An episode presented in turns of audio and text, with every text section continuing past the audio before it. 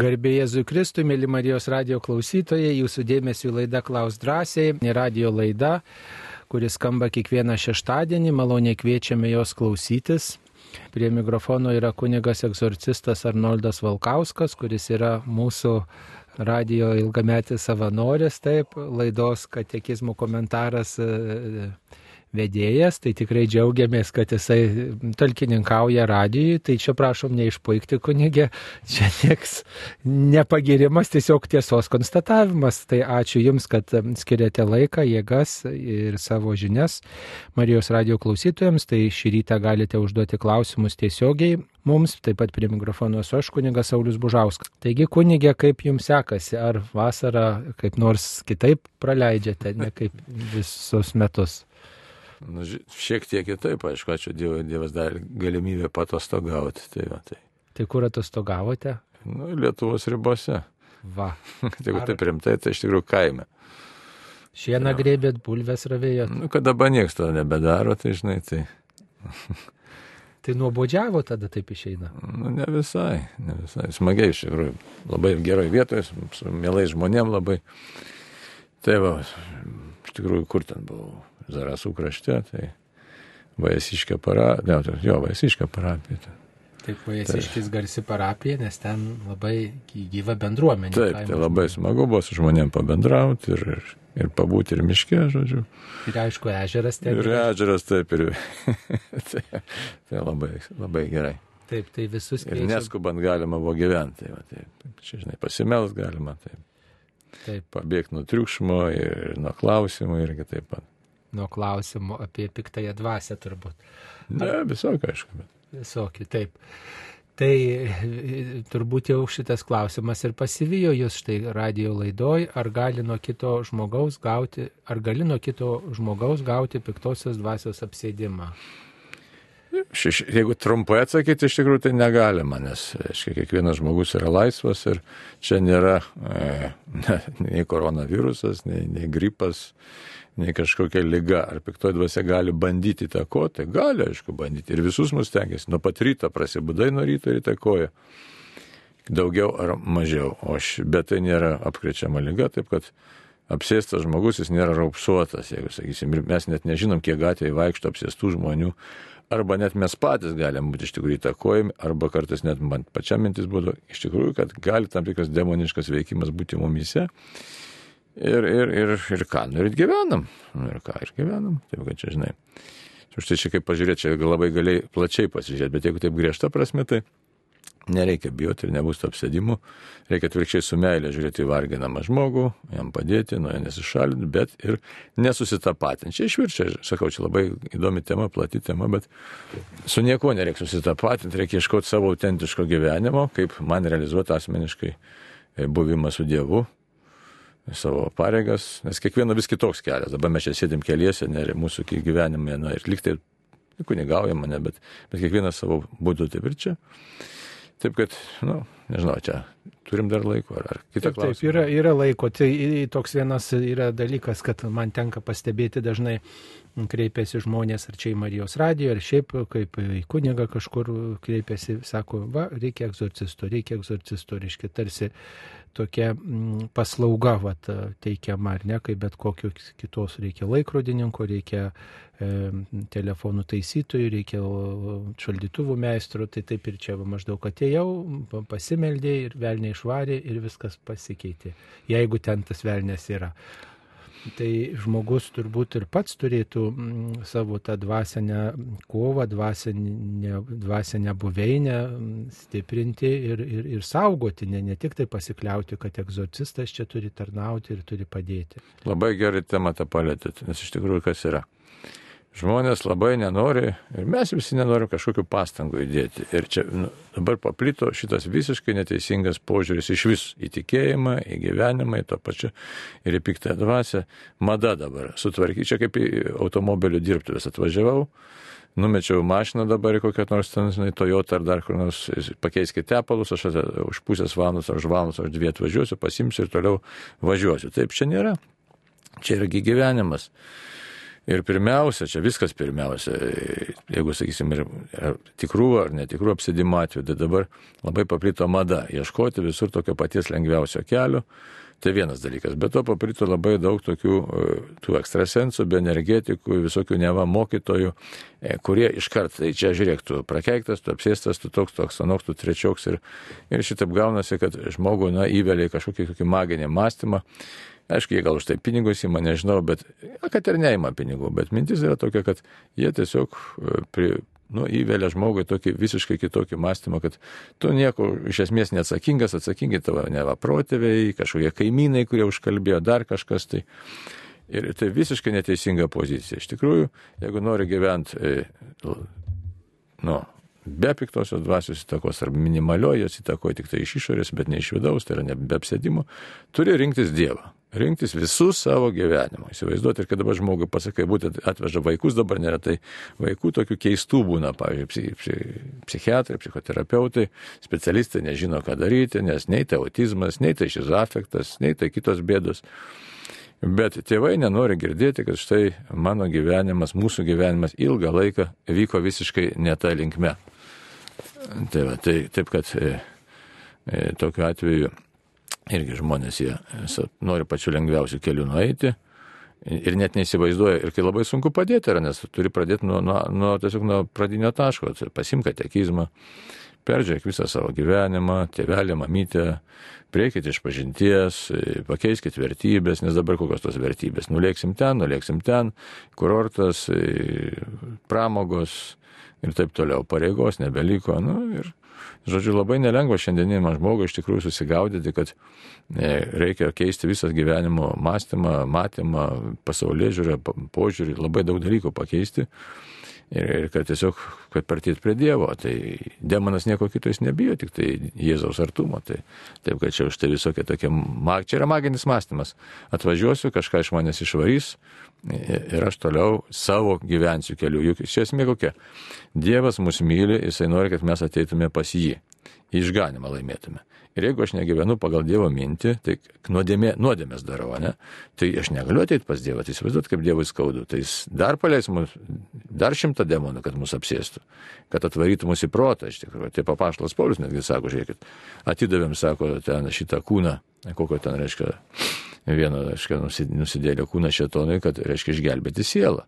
Tai sielos išgelbėjimas yra esmė. O jeigu mes dabar sakom Dievui, Dieve, žinai, tu patrauktas demonus, bažnyčia, egzorcistas jau patraukia demonus, bažnyčia patraukia demonus, o mes vis tiek nei tą bažnyčią eisim, nei mes melsimės, mes gyvensim, žodžiu, toliau kaip gyvenam, darydami toliau nuodėmės. Nu tai taip, tai būti negali. Tai. Taip, kad čia tai dar toks tai irgi aspektas išryškėja. E, toks vienas aspektas išryškėja, kad mm, tiesiog yra daugelis žmonių tokie gal priešiški tikėjimui, krikščioniškui tikėjimui, bet labai tokie lengvai priima prietarus. E, vat, štai teko matyti, kad net ir prie jūros žmonės nuvažiavę, reiškia, nusilenkė jūrai kažkaip, tarsi čia va, būtų koks asmuo, ne? o jeigu pasakai, kad va, prieš statulą, prieš paveikslą mes nusilenkėm, pagerbėm, tai jau čia stabmeldystė o štai prieš jūrą nusilenkti, prieš saulę nusilenkti, ten tai jau čia vat, yra kažkoks va, ritualas, čia ženklas, nu čia viskas gerai. Tai, tai krikščionių čia tokie dalykai turbūt ne, nu, yra negalimi visiškai, tai yra tikrai nutolimas nuo Dievo ir iš kitokiom galiom pasitikiu savo gyvenime ne Dievo asmeniu. Taip, visiškai pritariu, labai keista, man dabar prie jūros sako, bus su šeimų, šeimų stovykla čia netaip seniai Tai irgi mes čia jau katalikiška stovykla, tai meldžiasi žmonės, aiškiai, ir, nu, džiaugiasi, o visai netoli, netoliese kažkokia tai grupelė, kaip jūs sakot, jie ten saulę garbina, dar kažką tai dar, man labai keista e, kad kai prabylė apie gyvą į Dievą, tai girdėti nenori, ne? O, o visom kitom energijom kažkokiom, tai ne va tokio, kažkokiu neapibrieštumu, reiškia, tokia, kaip sakyt, kaip čia sudrumsti pirmiausia vandenį ir paskui tam drustam vandenį bandyti kažką tai pagauti. Tai nebus šitaip, tai kai siūlai skaidrų vandenį, tai ne, nepatinka žmonėms. Tai čia kas yra, o čia ir yra, jeigu sakyti, yra masinis apsėdimas, va čia reikia pripažinti. Šitoje vietoje tikrai reikia kalbėti apie masinę psichozę, galim sakyti šitai, bet iš kitos pusės, jeigu žiūrėt dvasinę plotmę, tai šitoje vietoje yra visiškas masinis žmonių paklydimas, piktosios dvasios pergalė, drąsiai reikia sakyti. Nes labai aiškiai atsives kaip Evangelija Jono kalbėjimas, ką sako, kiekvienas, kuris Jono laiškai, e, kas neišpažįsta Jėzaus kūnė atėjusio, kas jis yra? Jis yra antikristas. Įsivaizduot, jeigu neišpažįsti Jėzaus kūnė atėjusio, Jėzaus mirusio prisikėlusio, esi antikristas. Na ir, ir tada nereikia nieko čia išradinėti ir savęs reiktų pasiklausti kiekvienam žmogui, ar aš išpažįstu, kad Jėzus tikrai prisikėlė, kad Jėzus yra viešpats, kad tikrai Dievas yra. Ir jeigu šito nėra mano širdį giliai giliai, tai reikia žinot, kad aš jau esu be jokių iliuzijų, piktosios dvasios įtakotas, piktosios dvasios gniauštos. Ir nereikia jokių filosofijų čia, kaip sakyti, išvedžiojimų, gal net taip pasakiau, filosofija tai yra mokslas, ne? bet tiesiog tokių kažkokių tai išvedžiojimų. Tai Čia dar atėjo. Gerai, tai ja. dar viena, viena žinutė. Turiu draugę, kuri būrė taro kortomis. Netikiu jomis, bet vieną kartą ji man išbūrė. Pasijuokiau iš tokio žaidimo, bet per gyvenimą tai, ką pasakė, pildosi. Ar tai piktosios dvasios darbas, ar tai gali būti ir iš Dievo. Ne, iš Dievo tikrai nėra, tai tai grinai piktosios dvasios įtaka ir išraiška. Demonas šį beitą žino, bet blogiausia yra, kad jūs leidotės, kad jums išburtų. Nes čia reiškia sunki nuodėmė, dabar kaip veikia, paaiškinsiu, mechanizmas yra koks. Kol mes neinam pas jokius būrėjus, pas jokius ten ekstrasensus, bioenergetikus, nu, žodžiu, pas nieką nesiklausim ateities. Meldžiamės, mes pasitikim Dievu ir dėda, Dievas mums duoda tokį variantą, kuris reikalingas mūsų išganimui. Aišku, mums kartais tą sunku priimti, kartais nepatinka tie variantai, bet mes nežinom, kaip reiškia Dievo auklybas. Žiūrėkite, šventas raštas sako, Dievo auklyba tam kartui sunki, bet iš tikrųjų Dievas mūsų auklė. Kai tik, čia toks yra koks, sakytume, toks vertikalus ryšys tarp manęs ir, ir Dievo, vis laik yra tas vertikalus ryšys. Kai tik mes pas kažką paklausim, kas nėra Dievas, apie savo gyvenimą, apie savo ateitį. Čia ne apie žmonės kalbu, ta prasme, bet ypač apie ateitį, apie likimą paklausim, ta prasme. Einam pas kažkokį tai pasiburtą, ten, ar ten spiritizmas, ar ten betko, ar čigonas, ar ten pirštelė kažkam padavai. Tuo pačiu metu mes pažeidžiam pirmą Dievą įsakymą, neturi kitų dievų, tik mane vieną. O ką tai reiškia? Tai reiškia, kad aš savotiškai pasakau Dievui. Tiesiog pasakau savo laikysiną. Dieve, tu nesupranti, dabar aš eisiu pas kitą jėgą pasiklausti. Ir tokiu būdu mes atstumėm Dievą ir patenkam į tos kitos jėgos, reiškia, veikimo lauką. Ir Dievas leidžia tai. Imk, sako, tą variantą, kurį tau pasiūlė. Žmogus sako, o, viską, ką pasakė, išsipildė. Kaip čia nuostabu įsivaizduot, patenka į tokią lengvatikystės dar gilesnę pelkę. Čia net, net ne tik, kad nuodėmė, bet nuodėmė pelkė čia yra. Ir po to viskas vystosi ta blogai linkme. Ir galvot, kad čia bus gerai, tai čia iš tikrųjų labai kvaila yra, nes tu priėmė variantą, kurį piktoji dvasia jau tau yra paruošusi ir jisai veda tik tai žlugimą, o žmogus galvo, kad štai matai, kaip pildosi. Tai čia yra dviejopa klaida. Vienas dalykas, padarai klaidą klausdamas, antras dalykas, jau padarai klaidą tikėdamas, ir, nu, net ir trečias dalykas, yra, ir trečia e, klaida yra mąstymė, kad galvoji, kad štai dabar man bus gerai ir štai susidūriau su tiesa. Tai iš tikrųjų kvaila žmogau, nesupranti, kad tu jau esi didžiuliai, didžiuliai bėdoji. Jau pats klausimas ir leidimas, net kit, leidimas kitam klausti už mane pas kažkokias jėgas, viskas jau yra. Įsivaizduot, labai menko dalyko reikia reikia. Kartais būrėjai kaip daro, pažiūrėjau, man teko šiam patirti. Prie parduotuvės stovi, reiškia, nu, toks ekstrasensorika užsimintis žmogus ir sako, vaduok man mažai pirščiuką, susikabinkime mažaisiais pirščiukais ir aš pasakysiu visą tiesą. Įsivaizduoju, toks visiškai nepa... atrodo, kas čia tokio, padaviau mažai pirščiuką. Ir žmogus gali patekti į didžiulę bėdą. Tai va, taip, kad jums reikėtų dabar iš tikrųjų kuo greičiau prieiti iš pažinties ir atsižadėti to bet kokios ten tos informacijos ir to buvimo ir faktiškai reiktų su ta draugė nėra ryšių, ko palaikyti, jeigu ten būrėte, arba ją perspėti, kad mestų liautųsi ir atsiverstų, arba jeigu ne, tai nėra prasmės bendrauti, nes ten šimtas procentų ten yra piktosios dvasios įtaka. Dar turbūt reikia pasakyti, kad net jeigu ir juokais aš tą darau, nu, va, juokais čia man kažkas va, pajokavo, čia tiesiog juokais, nu gerai, aš netikėsiu, bet tu pasakyk, man čia pajokavom. Tai irgi yra nu, lygiai tas pats, kad tarsi aš atverčiau duris, kad ir su humoru, kad ir linksmai, kad ir netikėdamas, bet vis tiek aš atveriu duris, reikia pasakyti piktai dvasiai. Lygiai taip pat kaip ir aš jau noriu ir tikiu, kad tai visą tai teisingai. Lygiai taip pat ir horoskopo, jeigu žmogus tiki ir skaito ir laukia ir kad ir va, pasiskaitysiu, nes tiesiog įdomu va laisvalaikio forma. Vis tiek aš atveriu savo, savo širdį, savo dvasę, atveriu, na, vat, piktai dvasiai, atveriu save piktojo veikimui. Čia, žinai, smalsumą tą nuodėmę veikia. Čia kaip ir truputį išgersiu, ne, turbūt smalsumo dėlį išgersiu. Nu tai ką išgersiu, tai ir veiks. Ar tu mažai, ar daugiau, mažiau, bet jau tu alkoholį priemi, kaip, nu, kaip ar narkotiko, nes, o ypač narkotiko pavyzdys geras. Smalsumo dėlį pažiūrėsiu, kaip veikia. Nu ir viskas. Nu, ir... Taip, mums paskambino. E, Stanislava. Taip, Stanislava, klauskite, jūs eteryje Gerbėjas į per amžius. Aš turiu du klausimus. Taip, Vienas apie dirbtinį intelektą, antras bus, e, e, mačiau bažnyčioje, nu, be staltėsis laikų mišės, nu, kažkaip neprimtina ant grinos lentos, ten užsėstas koks rankpostukas. Ir ar čia tai priimtina, ar čia leistina, nu, į paskutinį vakarienį su staltėsiu visur piekiama. O čia mišės laiko be staltėsių. tai, o kit, o šitas apie dirbtinį intelektą. Aš girdėjau tokius žodžius, sako, oi, žemą intelektą. Tai aš supratau, kad jis nekultūringas, nesupratingas žmogus. O ką tai reiškia tas dirbtinis intelektas, kaip jį padaro ir kur jį pritaiko. Ir sako, kad į klases labai veržiasi, kad jis yra pavojingas. Ar čia tiesa, ar galit ką nors papasakoti? taip. Ačiū labai. Ačiū Jums, ačiū. Tai kad to dirbtinio intelekto tai aplinkui gausu, tai ką mes, nu, tai visi kompiuterika, jeigu plėsis toliau, robotizuosis pasaulis, tai tas intelektas ir veikia. Tai mes kalbame apie šitą intelektą, kai jau žmogus, žiūrėkit, robotai gamyklose dirba, kokiuose nori gamyklose dirba, masiškai gal Lietuvoje, bet ir Lietuvoje dirba jau. Ir kitos net rankovės, net, net paletės rob- robotais. Karvės melžia, Nu, upas Tai kol kas dirba, sako, Estija Vatalinė vežioja, pavyzdžiui, dabar gali nu, užsisakyti ten ar pizzą ar ką nors, reiškia, ir jau nebe pasiuntinys atveža, o važiuoja šalygatvių robotukas su vėliavytė ir atveža tau iki durų, paskui jau kažkaip, nežinau, kaip ten praneša, išeini pasiimti. Va.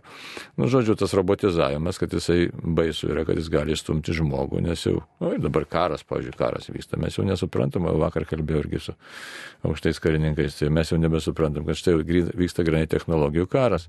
Tai dar, dar čia Ukrainoje tai dar, nu, tik tai apraiškos to, bet, nu, tai visur tas pats. Tai, tai baimė yra ta, kad tos pačios mašinos, kaip jau fa- pasirodo fantastiniai filmai, jau tampa nebe fantastiniai. Visą, ką matėm fantazijų filmuose, jau tampa realybė, kad skaičiavimo mašinos jau jos ima skaičiuoti ir, ir, valdyti pasaulį gali tai būti. Tai jau taip, kad čia, nu, jau iškyla grėsmė pačiam žmogui kaip tokiam. Tai, va, tai čia toks dalykas. Turbūt pavojingiausias dalykas yra e, santykiams žmonių, tas yra, kad, reiškia, tar, keičia va, ta technika žmonių santykius. Va, sakykime, dabar yra žmonės turi visi e, tuos mobiliuosius telefonus ir jie gali pasiekiami būti įvairiausiose vietose, bet, reiškia, jie yra vieniši. Tas, reiškia, tos technika neišsprendžia žmonių, e, žmonių nu, va, asmeninių santykių. Ir tikrai čia turbūt did- didelis iššūkis yra. Aišku, į mokyklą, sakot, veržėsi, tai į vieną vertus tai yra privalumas, kad pačios pažangiausios kažkokios mintys ir, ir kažkokia statistika ir, ir visi pasiekimai, vat, tiesiog tada mokinius pasiekia, mokiniai nemokomi, neugdomi, reiškia, senom programom, bet šio laikiškai ugdomi, bet kita vertus nėra to asmeninio santykio su Bet mokiniu. ne tik, reiškia, pasirodo dabar čia, teko ne vieną straipsnį skaityti apie anglų ten ir, ir mūsų gydytojai čia, kurie dirba Anglijai. Jie suteko su gydytoju, kuris būtent gydo lordų tų vadinamų vaikus, ne, nevadino lordų, realiai vaikus ir šeimas. Tai ką pastebėjo, kad, aiškiai, jie, matot, vis dėlto ugdo vaikus savo sena programa. Ta prasme, tik senoviniu būdu, tai pasakyti. Dabar kodėl? Už tai, kad tos visos technologijos, o, pavyzdžiui, dabar jeigu kalbėti plačiai, čia, aiškiai, galim pasiaiškinti.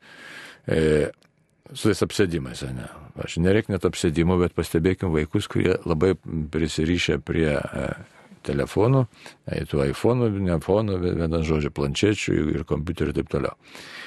Jų visų, žiūrėkit, laikysena net pasikeitus. Jie galvytės nuleidę, akis blausios, iškia tokie aplinkos nemato, jie yra priklausomi žmonės.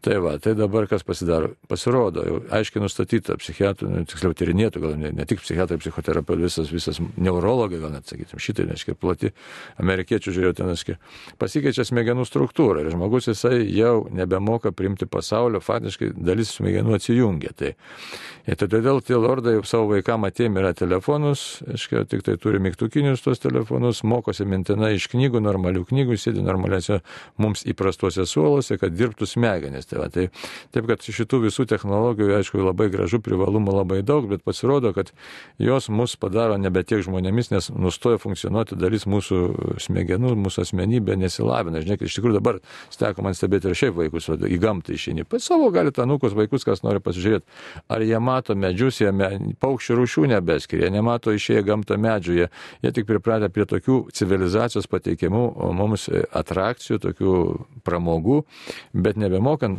džiaugtis natūraliais dalykais. Tai įsivaizduot, tai čia atrodytų tik tai įpročio reikalas. Čia ne tik įpročio reikalas. Neurologiškai, aišku, mokslininkai sako, kad štai dalis smegenų šitų žmonių nebeveikia ir kaip jau ką tik e, kunigas Saulis sakė, ir jie nebesukurs normalių santykių nei su aplinka, nei su kitu žmogumi. Įsivaizduot, čia yra tragedija, įsivaizduot. Jis nesukurs normalių santykių. Jis jau nebežino, kas jis esas tas žmogus. Ar jis pusiau robotas, ar jisai, ar jisai, aišku, dar žmogus. Kita vertus, dabar teko skaityti tokį straipsnį, kad jau čia gana senai net planuojama implantuoti į žmogų smegenis dar čipą, bet kuria prasme, ne čia ne, ne, ne, ne priklausomybės prasme, bet tipo smegenų darbo pagreitinimo prasme, kad žmogus dar galėtų daugiau priimti informacijos, nu, tokios visokios teorijos ir bandymai kūriami, nu, kad tu galėtum su begalė žmonių bendrauti, nepavarktum ir taip toliau ir taip toliau. Kuo tas, kuo tas gali pasibaigti, tai didelis klaustukas. Bet nieko gero tikrai nebus, nes išeini iš natūralaus žmogaus gyvenimo rėmų.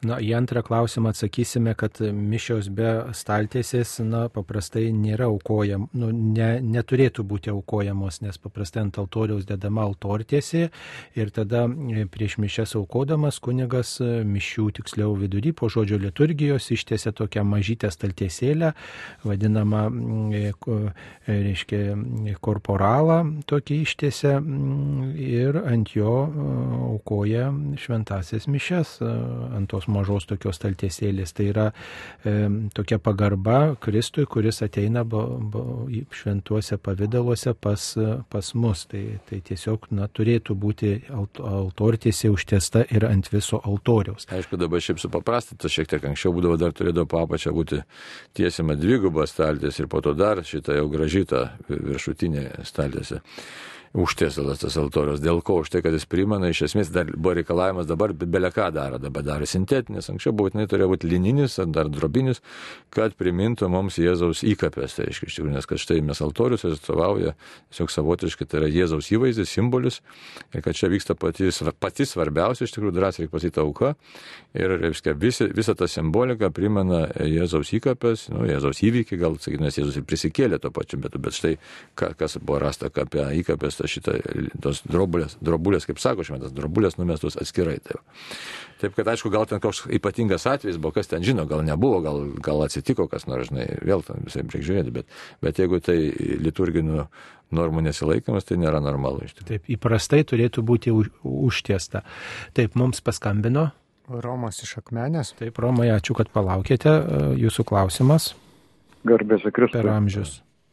Aš turiu tokį klausimą dėl, dėl, dėl švenčių.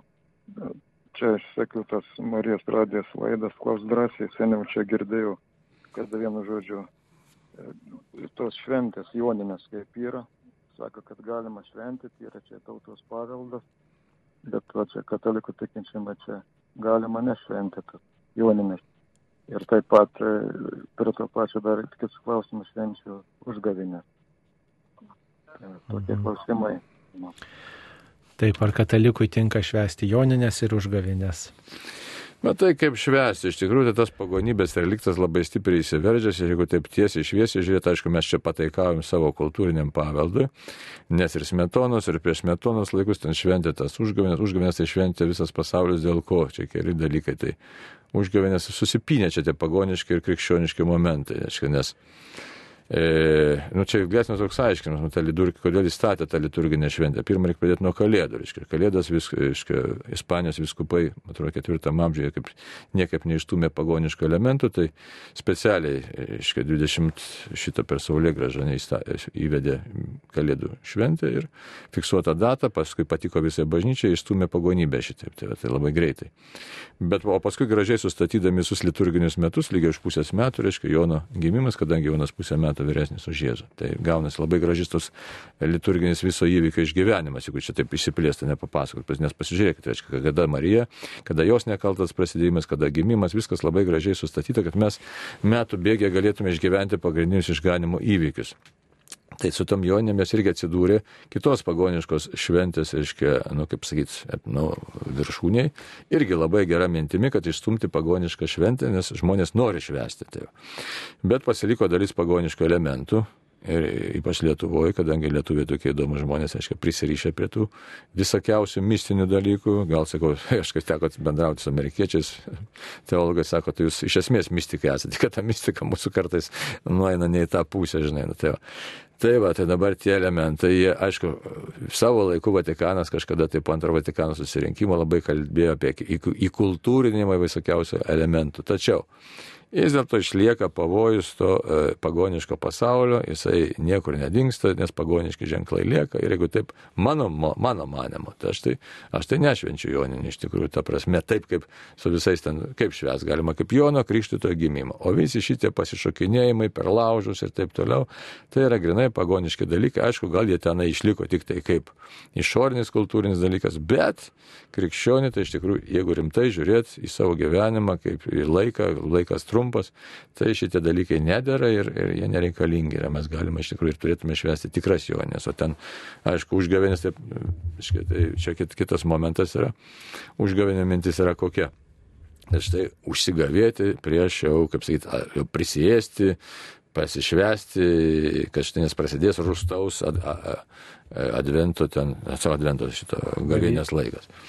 Na va, tai toks reiškia tiesiog, kad irgi, nu jau faktiškai, mat, brazilai tai ten net nuodėmių pridaro, ne, kad štai. Nu, irgi toks yra, kaip sakyt, abejotinos vertės toks dalykas, aišku, ir bendrai dar irgi susipinė su pagoniškais elementais, aišku, mes ir seminarai išvedome, lašininis, kanapinis, ten taip toliau, taip toliau, čia kultūrinės tradicijos labai gražu, bet ir dabar toks įdomus dalykas, ar saugoti kultūrinės tradicijas, ne, nes žiūrint iš kultūrologų ir tyrinėtojų, tos iš etnologų visų ir etnografų pozicijų, ar supranti, ar, ar žiūrėti iš tikėjimo pozicijos ir supras, kad štai tai yra pagoniškas pasaulis ir tegul jisai savo nunyksta. Tai pirmieji krikščionys labai drąsiai žiūrėjo, tegul nunyksta.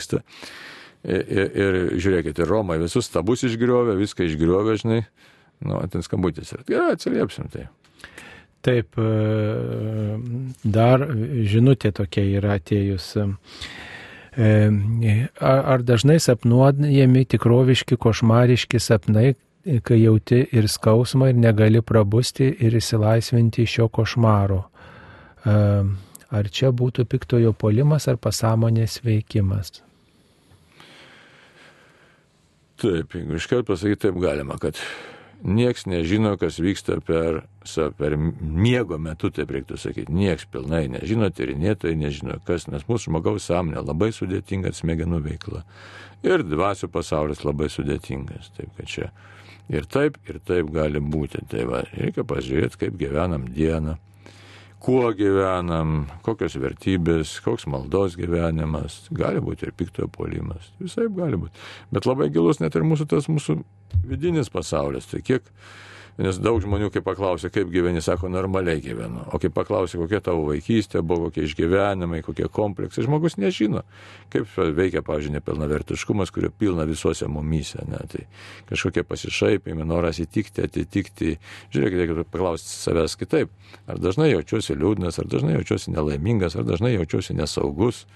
Va, ir jeigu taip yra, kad štai jaučiuosi nesaugus arba įtampą jaučiu vidinę, tai reiškia kažkas tai nu, mano visam tam praeitam gyvenime buvo nu, sudėtingų dalykų ir jie taip pat turi įtaką. Ar to, ant tos bazės gali žaisti piktasis, puikiausiai gali. Praeitam gyvenime tai turit galvoj praeitie. Nu, vaikystėje. Nu, vaikystėje, čia reikia labai atsargiai su savokom. Teisingai. Žinokit, kunigė sakys, Valkauskas sakė, kad buvo praeitas gyvenimas. Nedaug dėmesio. Tu jau pat pasitaisykite. To jau, jo.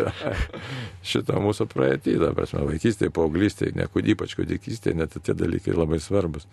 Jo, jokių praeitų gyvenimų, jokių reinkarnacijų nedaug ne. Taip, tiesiog galbūt kažkada buvau, va, ar vaikas, ar paauglys, ar, ar, ar, ar jaunystė ir tiesiog neįsisamonino vieno ar kito dalyko, tiesiog jis dabar kažkokia klaida ar kitų žmonių įtaka tiesiog turi dabar reikšmės. Čia visuose mumise, čia nėra taip, kad nebūtų šitaip, čia sveikų žmonių nėra, drąsiai galima sakyti. Tik tai labai turbūt sąmoningai reikia atsiriboti gal nuo tų tokių neigiamų dalykų, kurie buvo tiesiog padaryti išvadas kažkokias, net atsižadėti, einant iš pažinties ir, ir bendrai rinktis priešingą dalyką, darybę rinktis. Už tai mes... Na, bet reiktų pirmą suprasti, kas su manim vyksta. Žinai, kaip sako, tai romėnai sakė, reikia pažinti save. Tai va, taip, tas pažinimas savęs nėra paprastas, kitas žmogus ir nemoka ir, ir neturi laiko apie save pagalvoti, įsijaus, ką jis čia jaučia, ką mano kūnas jaučia, ką, ką mano, kokie jausmai, kokios emocijos, arba bijo, bėga nuo to, arba, nu, pas mus labai paplitęs mąstymas balta juoda, tai reiškia gera bloga, tik tai nėra to, kad ramiai pasižiūrėt, kad štai man jie kyla įvairiausių,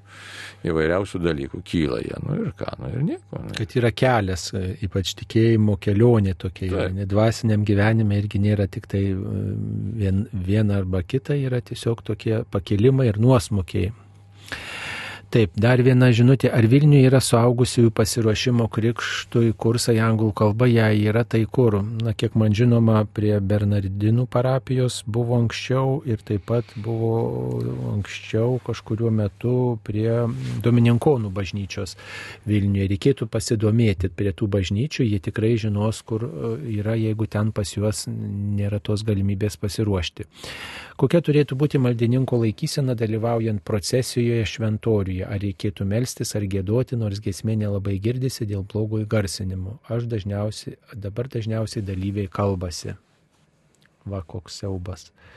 Tai blogai daro, kad kalbasi iš tiesų reikėtų gėdoti arba bent jau, bent jau klausytis gesmės, jeigu negirdit ir visa tai yra įprasta pasimelsti bent kokią rožinio dalį, tada einant nuo seniausių laikų taip procesai. Ja, bet aš čia kitą problemą matau pačiam, teko šią vasarą dalyvauti ir tos atlaiduose ir procesai matyti reikia pasakyti tiesiai šviesiai, tos procesijos prarado savo žmonėms kalbančią tokią kalbą, prasme liturginę. Ir niekas nepaaiškina, kodėl mes darom tas procesijas. Viskas vyksta taip, va, na, kaip sakyt, savaime teka, autopiloto viskas vyksta. O kodėl tai daro, tai niekas nežino ir niekam neįdomu. Tai žmonės šiaip neįpratę pamaldumą, susirenka į tas atlaidus metiniai tokie katalikai, kurie bažnyčią aplanko vieną, du kartus metuose ir jiems tas nekalba. Tai čia už tai problema. Ir kalbas jie neįpratę nu, nei, nei maldai. Tai galbūt net ir, reiškia, ir viskupams, ir kunigams pagalvoti apie tą naują katechizaciją kaip čia dabar paaiškinti žmonėms, kaip jiem prabilti, kad jie išgirstų, išgirstų gerą naujieną ir kad tėvų procesai išeitų ne šiaip savo, kaip kažkokį tai etnografinį tėvų paliktą reliktą, bet kai išeitų kaip į krikščionis parodyti pasauliui nešamą Kristų, procesija paprastai nešama monstrancija yra su džiaugsmu, kad štai mes švenčiam kažkokio tai šventojo šventę, mes turim švenčiausią Kristaus kūną ir pabandykime tą suprasti savo ir pasauliu parodyti. Tai čia yra, čia yra rimta mūsų vidaus problema, dvasinios tik tikėjimo problema ir kol mes šito nesisąmoninsim, tai mes nepajudėsim iš mirties taško. Reikia pripažinti, kad dabar esam tikrai gilioj tikėjimo kriziai, labai gilioj tikėjimo kriziai. Ir šitas važiavimas toks užmerkus akis kaip stručiui, kad čia mes dabar užmerkę akis ir kunigai, ir, ir tikintieji, kad viskas čia gerai, čia mes daug maž taip gyvename. Iš tikrųjų mes rytamės į bedugnę, labai drąsiai, reikia sakyti, be jokios abejonės, ir nereikia jokių čia iliuzijų turėti. Tai štai bandy čia procesė, matai, kaip čia buvo gražu mano vaikystės ar ten metais čia gražu, tai gražu nekalba, man nekalba kunigai tos procesijos. Tai ką čia kalbėti apie paprastą tikintį? Tai ką siūlot, kad nebūtų tų procesijų arba papasakot kažką nu, gal niekas nesiklauso. Net kunigas pasako trumpai, sako, nu žinot, va, pagerbėm Kristų Euharistijoje, kas einat, neša Euharistijoje Kristų, priklaupkite, negalit priklaupti, nusilenkit, pagerbkite viešpat, čia Kristus yra. Mes e, tiesiog seka, eina viešpats ir mes visi sekam paskui, tiesiog tokiu būdu išreiškiam savo piligrimystę, pagerbkim. Nu, čia rimta problema, Karlas, Karlas Raneris jau prieš 40 faktiškai metų tą Vokietiją matė ir apie tai kalbėjo, vokiečiai žinom, kurio šiandien atsidūrė tragedija, visiška, visiška tragedija iš tikrųjų. Tai žiūrėk, kas pas priklijusios prie bažnyčio ant tos jo vaivorykštinės vėliavos ir taip toliau, ir, žodžiu, išpažinties nereikia ir panašus dalykai. Tai, tai mes panašiai judam tą pačią linkmę, kai nebėra skirimo, jokio skirimo, kam aš gyvenu ant žemės. Tai vis dėlto gal galvoju net ir jau savo mūsų mišes e, žvelgiant, kad, nu kaip čia padaryti, nežinau, aš neturiu receptų, turėčiau receptų tai padaryčiau, bet reikia bendrai tiesiog prašyti Dievo visiems katalikam, kurie dar nori tikėti, apšvies viešpatį mūsų Lietuvos bažnyčią, kad mes imtume išgyventi savo tikėjimą, savo liturgiją tiesiog gyvą širdimi. Tai va, tiesiog atsivertimo prašyti visiems. Kol neatsiversim, tai čia kalbėti, taip patraukia, ten vėliavą nešė, nusuko, nenusuko, priklopė, nepriklopė, čia yra, čia yra išoriniai dalykai, nes žmogus jis net jeigu ir klaupia, pasakėm klaupinus, paklusnės neatsiklopė. Nu ir kodėl jis atsiklopė, paklausk jo dabar, kodėl jis atsiklopė. Ir ką jis pasakys? Liepė. Nu, liepia, nežinau. Kaip ir vakar man patiko labai liturgija, buvo geras tas skaitinys, nu, Išklo Evangelija. E, koks didysis Dievo įsakymas. Ir mintis tokia atėjo. Ne, koks didysis Dievo įsakymas. Visi neva tai žino, žydai. Labai įdomu, kodėl farizėjas užklausė Jėzų, koks didysis įsakymas. Atrodo, jokios logikos tame nėra.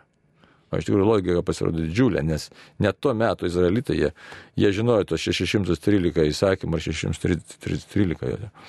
Bet, kad kuris svarbiausias dėl rūpešio ir kitų dalykų, reiškia, jis nustumtas į šoną, dabar išeikim čia į gatvę ir paklauskim žmogaus, koks svarbiausias gyvenimas įsakėme. Įsakymas gyvenime.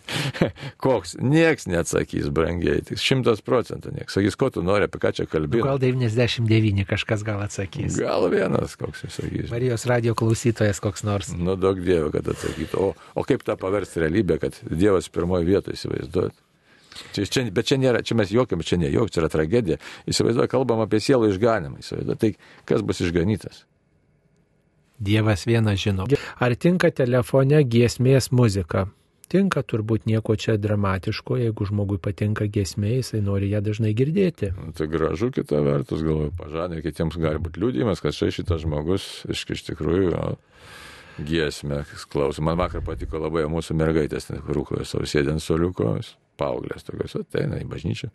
Ir ką jos daro, įsivaizduoju, kiti tai kaip kokią muziką pasileidžia. A jos savo giesmės gėda, dvi mergiotės, kokių penkiolikos metų, žinai, net nustebau, gal, gal man vaidenasi, žinai, šiais laikais jos savo tokios netoks modernesnės tas giesmės, lietuviškas, bet, bet išdrįsta ramiai savo visiškai gėda, žinai. Aš ten gana toli einu, kokią porą šimtų metrų jos reikia, žinai, per visą miestelį, garbėjai Jėzui Krisui. tai va, tai, taip kad, nu, yra gražių dalykų. Kas yra keturnedėlis ir kodėl jį reikia minėti, ar tai tradicija, ar tai nustatyta bažnyčios. Keturnedėlis yra keturios savaitės po mirusio žmogaus mirties, tai yra e, bažnyčios numatyta tokia praktika minėti 30 dienų po, po mirusio žmogaus mirties, užsakomo šventosios mišios, yra proga dalyvauti artimiesiems, tas artimasis minimas tuose mišiuose, tai yra malda už jį, aišku, tai sieja ta tradicija melstis už mirusius nėra vien tik tai krikščioniška, net ir pagonis prisimindavo savo mirusius ir, tai net iki krikščionybės buvo tas pagerbimas tam tikromis datomis ir mes jau šitoje laidoje šiek tiek kalbėjome, tai tie terminų tokie nustatymai, tai mm, šiek tiek buvo susiję ir su pagoniškom tradicijom, tai yra inkultūruota bažnyčios. Ir tai yra proga, bažnyčia tikrai meldžiasi užmirusius, nes proga prisiminti tie mirties, tos sukaktys mirusius ir bažnyčia meldžiasi užmirusius kiekvienose mišiuose, bet dažnai mūsų tikėjimas tik ir laikosi ant tų mirusiųjų paminėjimo, reikia pasakyti, yra proga žmonėms ateiti į mišes, kitaip jis neteitų, tai tikrai palaikytinas paprotys. Bet tai ten dar buvo daugiau, anksčiau iš susijęs su tokiais simboliniais gražiais skaičiais. Trejybė, tai būdavo kai kuriuose, čia irgi ne vienodai bažnyčiose, sakysim, dalys, nes mes Lietuvoje taip turim, pavyzdžiui, kokio Italijai šiek tiek kitaip buvo trečią dieną po mirties melžiamasi, paskui septintą dieną po mirties, paskui devintą dieną po mirties mišios kai kuriuose reiškia, regionuose 40, nes čia yra susijęs su, su Senuoju testamentu, reiškia, nes kodėl 40 diena, man atrodo, kad pravoslavai ir dabar po šią dieną turi 40, 40 dieną stačiai. Jo, nes čia, reiškia, yra tas, kaip sakyti, kad... Kristaus žengimas. Aš žiūrėjau specialiai, atidomiai 40 skaičius, reiškia, mokslininkai po šią dieną neišaiškino, kodėl šventam raštiaut. Visur toks tik tai menami tokie aiškinimai, nes Mozė, žiūrėk, 40 dienų ant kalno ten buvo, paskui, nu, 40 kartuojas tas skaičius. Tai, va, tai toks, kaip, jisai nu, vienas iš variantų galimų paaiškinimų yra, kad tas skaičius parodo, kad iki nu, žmogaus ribos kažką tai ištverti 40 dienų yra, ar badas 40 dienų, paskui žmogus viskas, jau jis niekaip negali pakelti to. Tai ta prasme, kad tu išeini kitą tokią realybę, tai susidūrimas su, su, su tai, kokie tau reikia ant gamtybės. Tai O šiaip tai iš visų užmirusius reikia melsis, kuo dažniau įsivaizduoti, mes dabar tokiam stovi, kai mes čia ne va tai juoko formą kalbam, atsistosi prieš begalinį Dievą, ypač tie, kurie iš vis nesimeldė, ne, už kuriuos ir dabar niekas už juos nesimeldžia. Ir mes kalbam apie artimo meilės darbus. Man tai tenka dabar labai suliūdėsiu, sakau, ir savo pažįstami, laidoji, ką nors artimai, tėvą, ten motiną, Ir ne, iš pažinties neina komunijas, neina būnant tose laidotuvėse. Dabar žiūrėkite, net po, po, po laidotuvė nėra mados, kad ten prie stalo ten pasimelstų, visi kažkaip skuba, nes greičiau nori, nu, ką čia tos ilgos maldos. Bet sielai tai tik tai nuostolis, absoliučiai, kas jam padės tiem numirusiam. Tai tokia mes situacija šiandien esame ir reiktų, nes anksčiau tai buvo iš vis tradicija labai Lietuvoje įdomi. Kas mėnesį užsakinėti, čia vietinė tradicija, kas mėnesį užsakinėti visus metus iki metinių už tą mirusį e, mišęs. Dabar kodėl? Todėl, reiškia, paaiškinimas toks gražus buvo, reiškia, kad žmogus per gyvenimą prisidirbo nuodėmių ir niekas nežino, kiek ten tų nuodėmių. Ir dabar artimieji atiduoda meilės skolos, sakysim, visus metus rūpindamis jo išganimu. Įsivaizduot, kaip nuostabu. Tai va ar kito žmogaus sakymas, man aš tave prakeikiu, gali man turėti įtakos? Gali turėti įtakos, gali turėti, aišku, nes žmogus turi atsako už kiekvieną žodį. Dabar kokiu, kokiu atveju, nereikia tos absoliutinti, dabar kai kurie žmonės labai persiganė, mane prakeikia, mane prakeikia. Dabar šitaip, jeigu žiūrėt Seną testamentą. Na, ir, e, e, yra teisėtas prakeikimas ir neteisėtas prakeikimas. Dabar ką reiškia teisėtas? Teisėtas, kadangi visi mes esam Dievo vaikai, visi mes. Ja?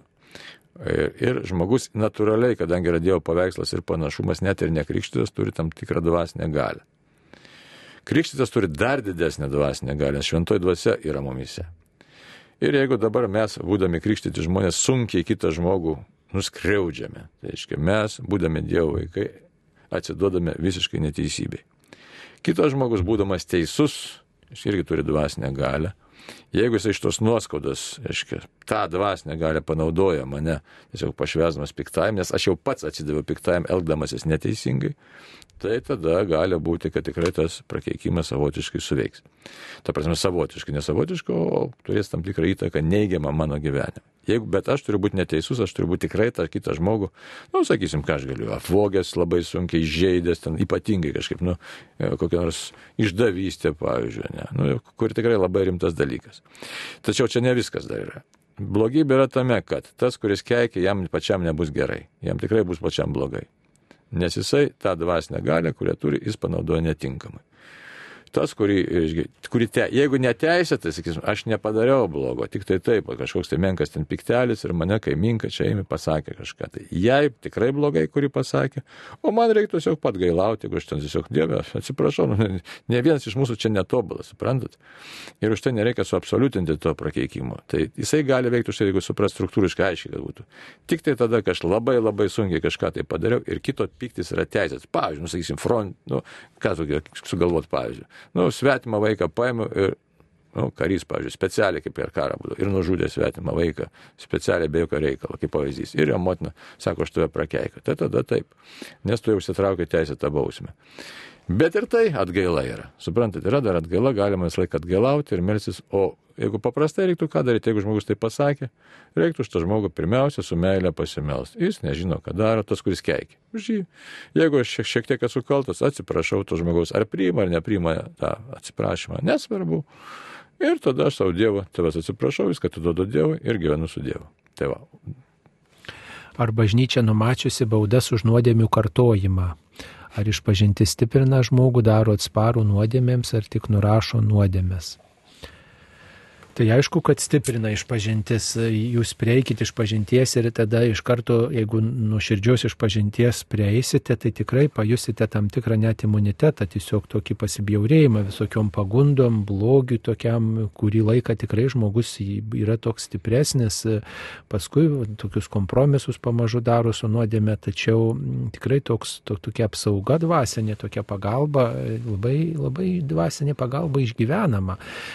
Tik tai reikia būdėti nuolat žmogui, pačiam sąmoningai atvesti, atmesti tas nuodėmės, o už nuodėmių kartojimą turbūt nėra tos baudos numatyta, tik tai tas nuolatinis kvietimas į atgailą, galbūt kažkokių keitimas, kažkokių taktikos, patarimas keisti taktiką su ta, to kovoj su nuodėmė. Dar tik papildyti, nors žinai, reikia vieną labai gražų dalyką, mes ne, nematom giluminio dalyko, iš tikrųjų, išpažintis yra malonė, įsivaizduojate, tai kai kuo dažniau mes einame iš pažinties, tai ta išpažintis, aišku, jeigu jinai nėra paviršutiniškas, reikia atsiminti šitos dalykus, nuodėmės atsiminti, žes gailėtis, pasiryšti nenusidėti, atsilyginti ir taisytis. Jeigu aš einu iš pažinties galvodamas, kad štai nu ir vėl toj pat, ai tiek to, tai čia yra pasityčiamas, yra faktiškai net gali būti šventvagiška išpažintis. Tai va. o šiaip išpažintis yra malonės, bet gaunu malonę, tikrą atleidimą ir tą malonę reiktų, jeigu netingit, aš galite, tai išleidom knygą čia praeitais metais, nematoma kova, ten labai gražiai vardinta, aiškiai, labai paprastais žodžiais, ką tai reiškia išpažintis. Tai yra arba, jeigu aš nu, nenoriu užsivės, bet čia yra mistinės teologijos, reiškia, vadovėliai. Tai pirmas dalykas nuo, nuo malda turi būti, nuo širdį nuo lanky malda. Ir antras dalykas, išpažintis tai yra labai rimtas kovos ginklas, nes tu gauni realiai Dievo veikimą į save. Įsivaizduoju, Dievo malonė tai yra Dievo ta... artumo išgyvenimas. Ne tik artumas, paties Dievo veikimas mumise, nes, reiškia, malonės suteikimas yra vaizdos veikimas mumise. Tai, va, tai mes e, tampam jau nebe mes kovojam, bet Dievas mumise. Aišku, kova dėl to nesibaigia. Tai va, bet reikia šitą, žinau, štai priimti kitaip. O bausmė už nuodėmės, aišku, bauda.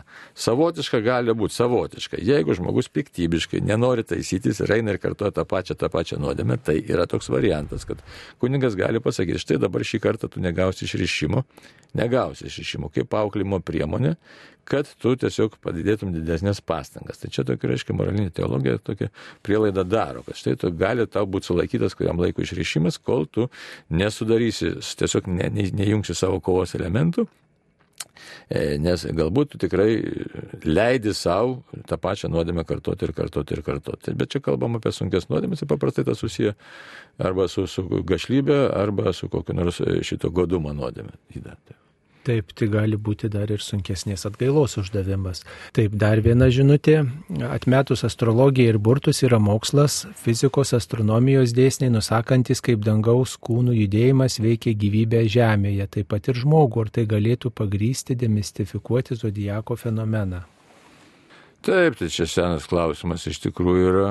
Aišku, žmonės galvoja, kad tai, taip, dangaus kūnai kažkaip, tai viskas čia mus veikia, įsivaizduoju veikia visa, visas fizinis pasaulis. Tačiau mes ką mes padarom? Mes suteikiam galias tiem fiziniam kūnam, kuriem nurėmė mano likimą.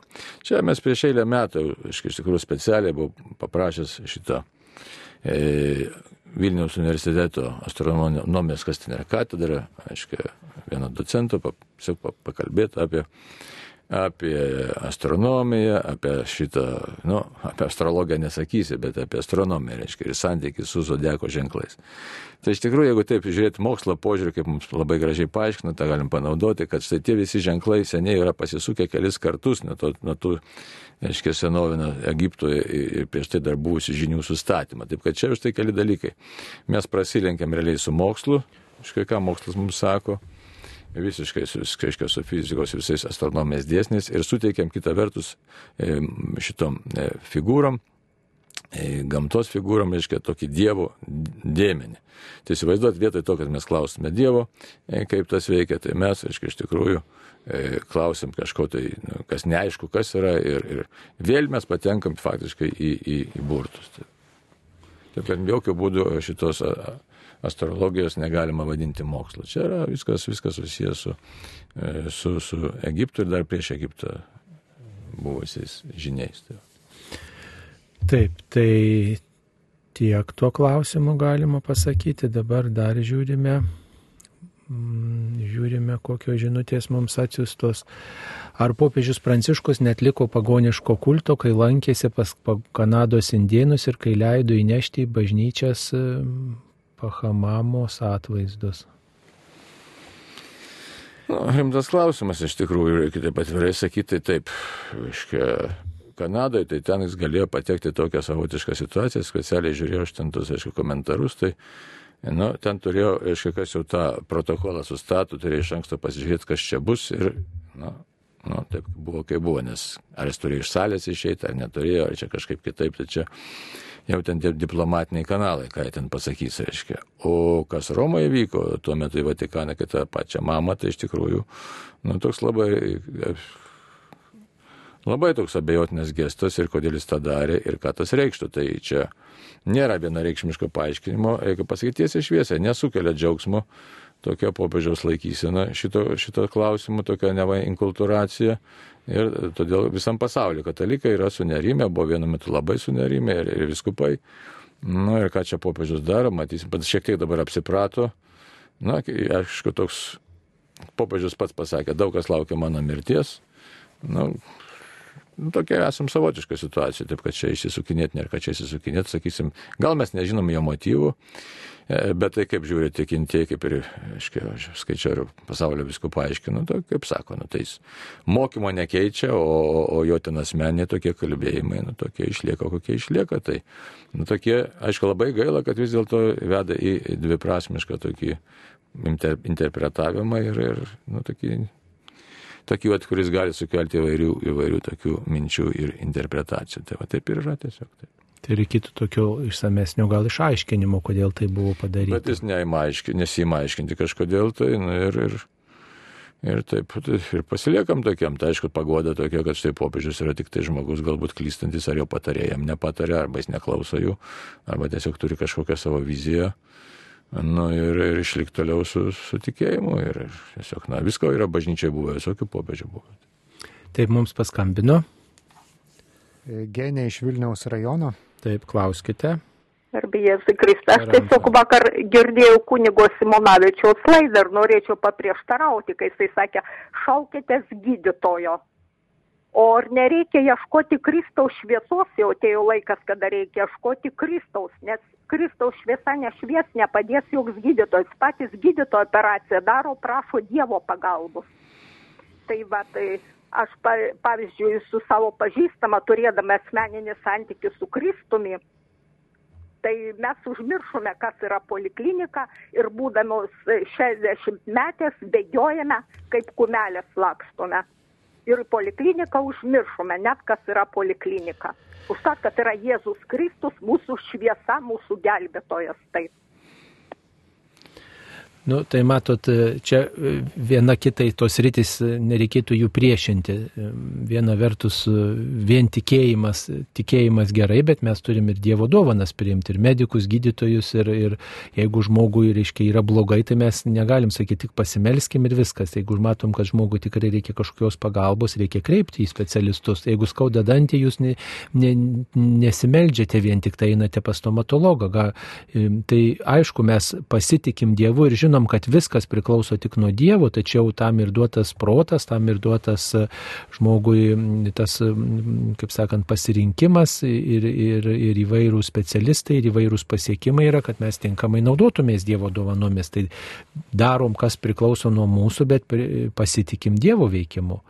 Dievo galybė, Dievo išmintimi. Tai ir, ir medikai, juk jie ne tik meldžiasi, bet jie ir dirba, jie prašo savo darbui pagalbos, bet jie atlieka e, savo pareigas, tą, tą, ką gali, daro ir naudojasi pasiekimai, žiniomis savo. Tai čia tų dviejų sričių supriešinti nereikėtų. Simonavičius atkreipė dėmesį, kad, reiškia, tikrai daugybė žmonių yra kaip sudžiūvę tie kaulai ir, ir įvairiom lygom serga ir mes kartais gal gėdinamės kalbėti apie psichologinius sunkumus, bet yra ir psichologai ir jisai tiesiog atkreipė dėmesį, kad į tą sritį tiesiog žmonės atkreiptų dėmesį ir, ir tiesiog išdrįstų kreiptis į specialistus, kai yra blogai. Aišku, tikėjimas jisai šitoje vietoje svarbus kaip ir bet kur kitur, bet tikėjimas tai yra santykis su Dievu, bet Dievas jis ir duoda tuos specialistus, tai irgi yra ir krikščioniški psichologai, ir, ir krikščioniškom praktikomusi,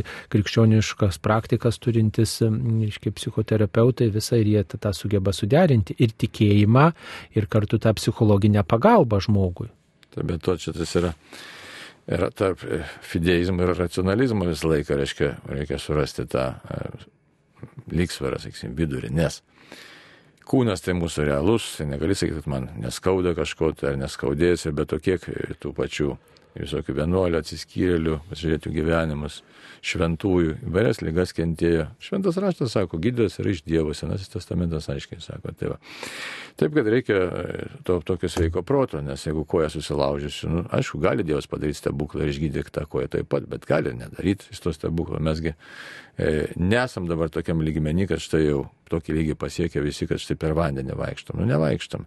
Tai kartais gali būti Dievo gundimas. Tai todėl šitoje vietoje tas toks, e, na, reikia pasakyti, kartais būna religinė dvasia apsėda žmonės. Ką tas reiškia, kad tik tai taip, va, bus šitaip, kaip aš noriu. Nebus taip, kaip aš noriu, bus taip, kaip Dievas nori. Tai va. O Dievas nori, gali norėti įvairiai. Ir todėl ir kančia leidžia, ir kunigai, ir viskupai serga, ir popiežiai serga, ir visi serga. Ir pagalbos reikia, Dievas per lygą moko nuolankumo. Ir taip, kad čia, čia labai gyvenimas nėra taip paprasta, kad čia visiškai vienareikšmiškai bus šitaip arba taip, kaip aš čia susigalvojau. Gali tam tikrą momentą būti, bet ne, tikrai ne visą laiką. Taip, Senajame testamente aprašyti žiaurūs karai, kuriuos išrinktai tautai įsakmei liepė kovoti Dievas. Kaip žinia, Dievas yra absoliutus gėris ir nekuria blogio. Katekizmo komentarė minėjote, kad karas visuomet yra blogis. Kaip paaiškintumėte tokį Dievo veikimą? Ar žydai Dievo vardu pridengia savo ekspansiją? Reikia žinoti, kaip dabar yra. Vienas dalykas, kas buvo tada, ką Dievas norėjo sukurti, išrinktai tautai pagal to meto iš tikrųjų situaciją, erdvę suteikti gyvenimą, apreikšti save, aišku, žiaurių dalykų labai daug. Čia galėtume įvairiai žiūrėti. Dabar, kodėl leido ir liepia net išžudyti, ne, kad išnaikintų nuodėmę. Tai va. Nes šiaip ar taip žmogus yra mirtingas ir ne visą laiką mirtis yra, aiškiai, vien tik tai blogis, nes savotiškai mes vis tiek visi mirsime. Tai man patiko labai Jono Kadžionė, mūsų partizano dabar apie Ukrainą toks pasisakymas. Sako, ukrainiečiai bet kokiu atveju, jeigu jie kovoja, yra nugalėtų ir laimėti. Dabar kaip tai atrodo, ne? tie, kurie žūsta už tevinį, yra kankiniai. O tie, kurie kovos iki pergalės, jie vis tiek laimės. Tai įsivaizduot, ar tokiu ar tokiu atveju tu esi nugalėtojas. Tai Taip kad čia ir žydam, reiškia, Dievas liepia, eikit, kovokit ir išvalykit. Tiesiog nu, per jūs aš kalbėsiu, nes, matot, čia iš giliau reikia žiūrėti. Visi mes esame mirties glėbėje. Įsivaizduot. Aišku, tas žudimas. Tai mes dabar nekalbam apie dabartinius laikus, nes jau Kristus yra preikštas ir Dievas parodė kelią. Tai štai visiškai skirtingi dalykai. Karas yra iš tikrųjų visą laiką blogis ir mirtis yra visą laiką blogis. Bet Dievas tą blogį panaudojo Izraelitų atveju, kad jie, jie iš tikrųjų pažintų Dievo galybę ir paskui per juos ta Dievo galybė būtų kitiems paskleista Dievo pažinimas. Tai, už tai, kad čia mes negalim vienu masteliu matuoti taip ar taip ar taip. Tai,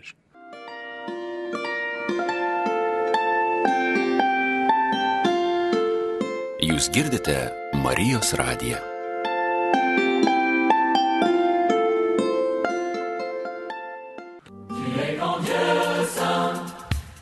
soit ton nom, tu es en Dieu fort. Et nous célébrons Dieu de tendresse, ta miséricorde et ton amour. Tu es grand Dieu. Pokalbių laida Klausk drąsiai. Dieu fort.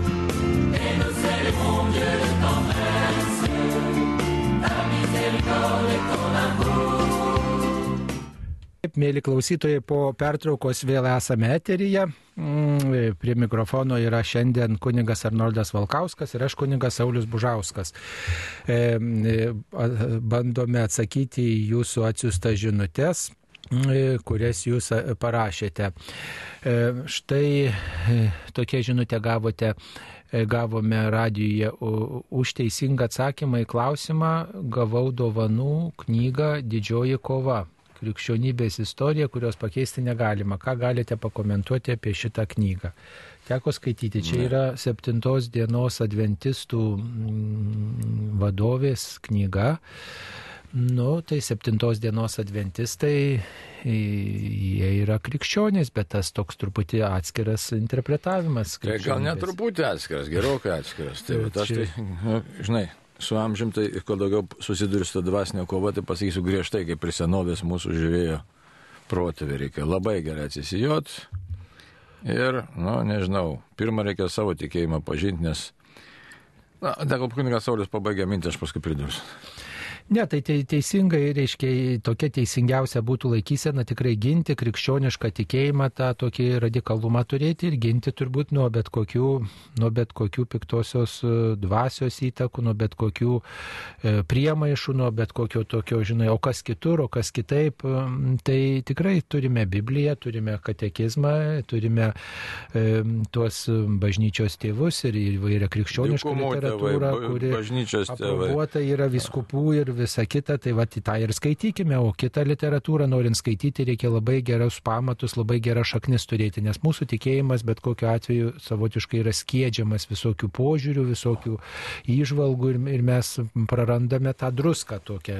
Aišku, žinoti šiek tiek, kuo alsuoja kitos bendruomenės yra gerai, bet yra pavojinga, nu, va, domėtis kitais tikėjimais ir kitų tikėjimų, kitų religijų, kitų bendruomenių raštais yra nepaprastai, reikia daug maldos e, ir maldos praktikų, krikščioniškų, katalikiškų praktikų, kad mes atsilaikytume prieš kitos įtakas. Ir tokio sveiko požiūrį iš visi tikėjimai, nes aišku, yra tokių papildomumų, sakysim, apie charizmas, apie tą, apie tą, bet jeigu jūs pats nežinai savo tikėjimo, tai yra bėda, o kitas dalykas, išeities taškas yra labai negeras, kuris bažnyčia suskylo, aišku, 16 amžiui po Liuterio schizmos. Net ką čia neschizmas, iš tikrųjų erezijos. Tai va. Ir e, tas liu- liuteronizmo, tas tiksliau liuterio, e, šitas sąlygotas e, skilimas, tai mokslininkai labai, kai kurie labai griežtai vertina, aišku, žiūrėti teologinį požiūrį, ką tai reiškia.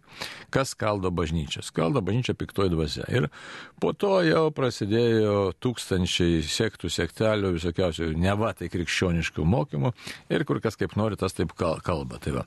tai jeigu žiūrėt pirmaisiais amžiais, krikščionys eretikus kaip darydavo net jokio bendrų maldų, aišku, dabar kalbame apie ekumenizmą ir taip toliau, čia kartu melžiamės, bet jeigu taip žiūrėti iš tikrųjų, ką tai duoda, ką reiškia ekumenizmas. Labai gerai Benediktas XVI pasakė, tikrasis ekumenizmas yra paprastas. Aišku, labai nepatiko daugam, o koks paprastas tikrasis ekumenizmas. Sugrįžkite į katalikų bažnyčią.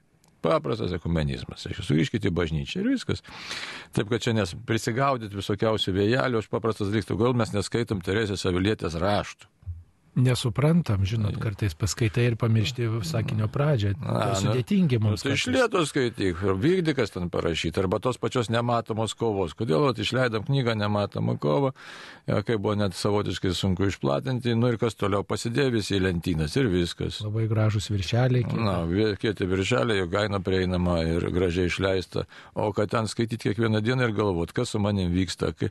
Nes mes pamiršom vieną daly- dalyką, labai fundamentalų esminį. Aš esu šventosios dvasios šventoji ir man jie tikrai veikia šventoji dvasia.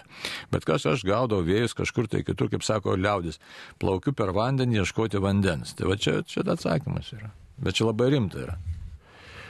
Taip, tai mintis tokia, kad e, nereikėtų skaityti, bet žinot, kuo labiau sakysi, neskaitykit, neskaitykit ir kada buvo bažnyčioje netgi draudžiamų knygų sąrašas, tai kaip tik visi ir norėjo skaityti. Čia toks fenomenas yra. Je, bet niekaip ne, už tai, kad neužsidegam to vidiniu noru, kad aš tikrai, matau, čia toks yra, reikia atskirti. Puikybė ir savigarba, savo, arba tiksliau savo tapatybės atradimas. Tai mes nesame atradę katalikai savo tapatybės kažkodėl, tai o tapatybė yra nuostabi, kad aš esu Dievo, Dievas yra manyje, Dievas manyje veikia, realiai veikia jisai. Ir to, tai svarbiausia, tam veikimui nėra pabaigos tam Dievo veikimui. Jis yra nu, tiesiog be galo toks įspūdingas. Tai jis gali būti dar įspūdingesnis ir dar ir dar ir dar. Viskas priklauso nuo mano nuolankios širdies, ar aš esu nuolankus ar ne. O nuolankumo ta darybė, nuolankus Dievui, tai reiškia ne žmonėms, čia, čia nėra kažkoks, kažkoks tai savęs žeminimas ar kažkoks, bet supraktimas, kad tu Dieve esi nuostabus, aš tik tai dulkė. Čia e, tas nuolankumas yra nu irgi labai nuostabi darybė. Tai va.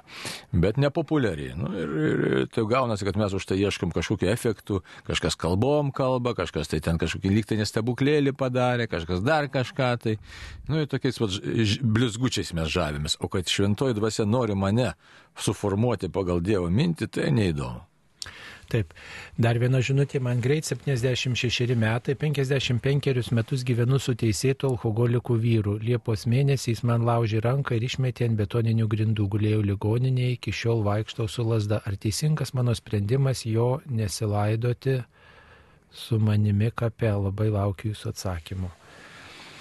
Nu, žmogus nuoskaudą jaučia, nuoskaudą jaučia ir nori vat, po mirties, kad net ir būtų atskirai paguldytas. Tai manau, kad teisingas sprendimas. Čia, aišku, kaip nori, taip ir padarysi, čia labiau kur tą kūną padėsi, tai čia tikrai nėra.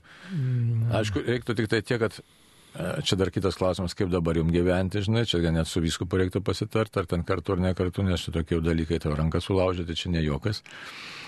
Ir kitas dalykas, vis dėlto dėl asmeninės laisvės, tai reiktų paprašyti tiesiog kunigo palaiminio pačiai, kad, nu, tiesiog tą Dievą išlaisvink mane iš tos nuoskaudos. Čia, čia nereiškia, kad aš jam pataikausiu ar dar pritarsiu, ne aš. Čia, ką reiškia išlaisvimas iš nuoskaudos? Tai reiškia labai tokia įdomi schema, reiškia. Aš įvardinu, kad štai tu žmogau padarai man labai labai blogą. Aš įvardinu ir tiesiog sakau Dievui, Dieve, šitas žmogus mane baisiai nuskriaus, bet Dieve, aš noriu gyventi laisvė ir todėl dabar aš turiu savo kelią, aš jam bandau atleisti ir einu viešpatė su tavimi. Tas vat, pasakymas, toks samoningas pasakymas, jis labai suteikia didelę laisvę. Tai tas už tai, kad, kad nesinešioti tos pastovios nuoskaudos, nes nuoskauda pririša prie skriaudėjo, reiškia, prie, prie to, kas įvyko. Ir žmogus, blogis praėjo, žmogus metų metais gyvena su ta žaizda. Tai tas labai, labai negeras dalykas, nes tu negali džiaugtis čia ir dabar kaip Dievo vaikas, o Dievo duotojų pasaulio. Tai čia tas, tiesiog paprašy Dievo padaryk mane laisvą nuo tos nuoskaudos. Taip, buvau, mums paskambino. Halina iš Trakų. Taip, Galina, klauskite jūs eteryje. Garbė Jėzui Kristui. Ir amžius. Aš perskaičiau labai retą knygą Jėzaus kūdikystė ir jaunystė Jakobo Lorberio perteiktą penktą Jokūbo Evangeliją. Noriu paklausti, kodėl nekalbama apie penktą Evangeliją. Už tai, kad yra tik tai keturios. Švento Jozopo sūnus. Taip, už tai, kad tai yra tokie vadinami, reiškia, neįkvėpti raštai. Bažnyčia nepripažino tų visų kitų, yra ir daugiau, ir, ir be tos penktosios Evangelijos yra ir daugiau, ir jie vadinami apokrifais. Reiškia tie raštai, kurie nepripažinti kaip įkvėpti, jie yra pamaldi raštyje ir dėl to daug apie pamaldžių rašty, raštų nėra kalbama, daug apie kuriuos nekalbama.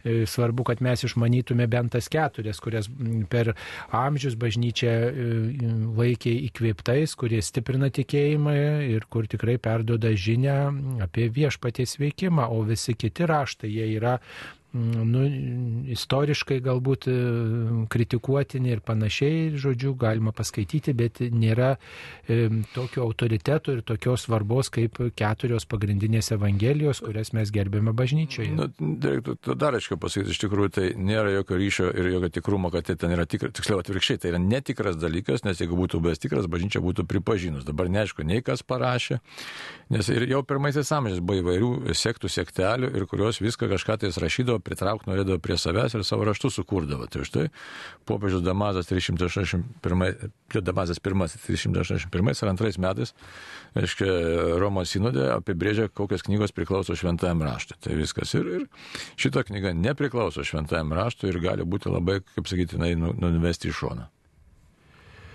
E, taip, dabar dar viena žinutė buvo kineziterapijos privačioje klinikoje dėl stuburo skausmo. Ten spaudė stuburą, po to pablogėjo ar gali pakengti. Čia turbūt turi galvoj dvasiniam gyvenimui. Ne, nu, tai jie specialistai dirba, jie, aišku, aišku, mes ne, negalim vertinti, koks kineziterapeutas dabar yra įvairiausių ten tų, kurie, nu, vadinasi kineziterapeutų, kaip ir visur yra vis įvairūs lygiai, tai gal žmogus mažiau išmano, o gal taip turi, gal turi paskaudėti, sunku pasakyti, žiūrint pas kokį specialistą patekant, bet- šiaip kineziterapija, jeigu pati kineziterapija, tai ten turėtų būti pratimai pagrysti, pratimai visokie ten tie, aiškiai, pa- pakoregavimai pagrysti anatominės žiniomis, tai šiaip jeigu normali kineziterapija, tai nieko bendro neturi neturi turėti su visokiausiais ten dva, dvasiniam praktikam. Tai va, tai jeigu, jeigu šitaip. tai. Po visuotinio teismo ar bus sunaikintas blogis, ar bus išgelbėti visi, kur bus velnė ir išnyks pragaras, juk Dievas labai gailestingas.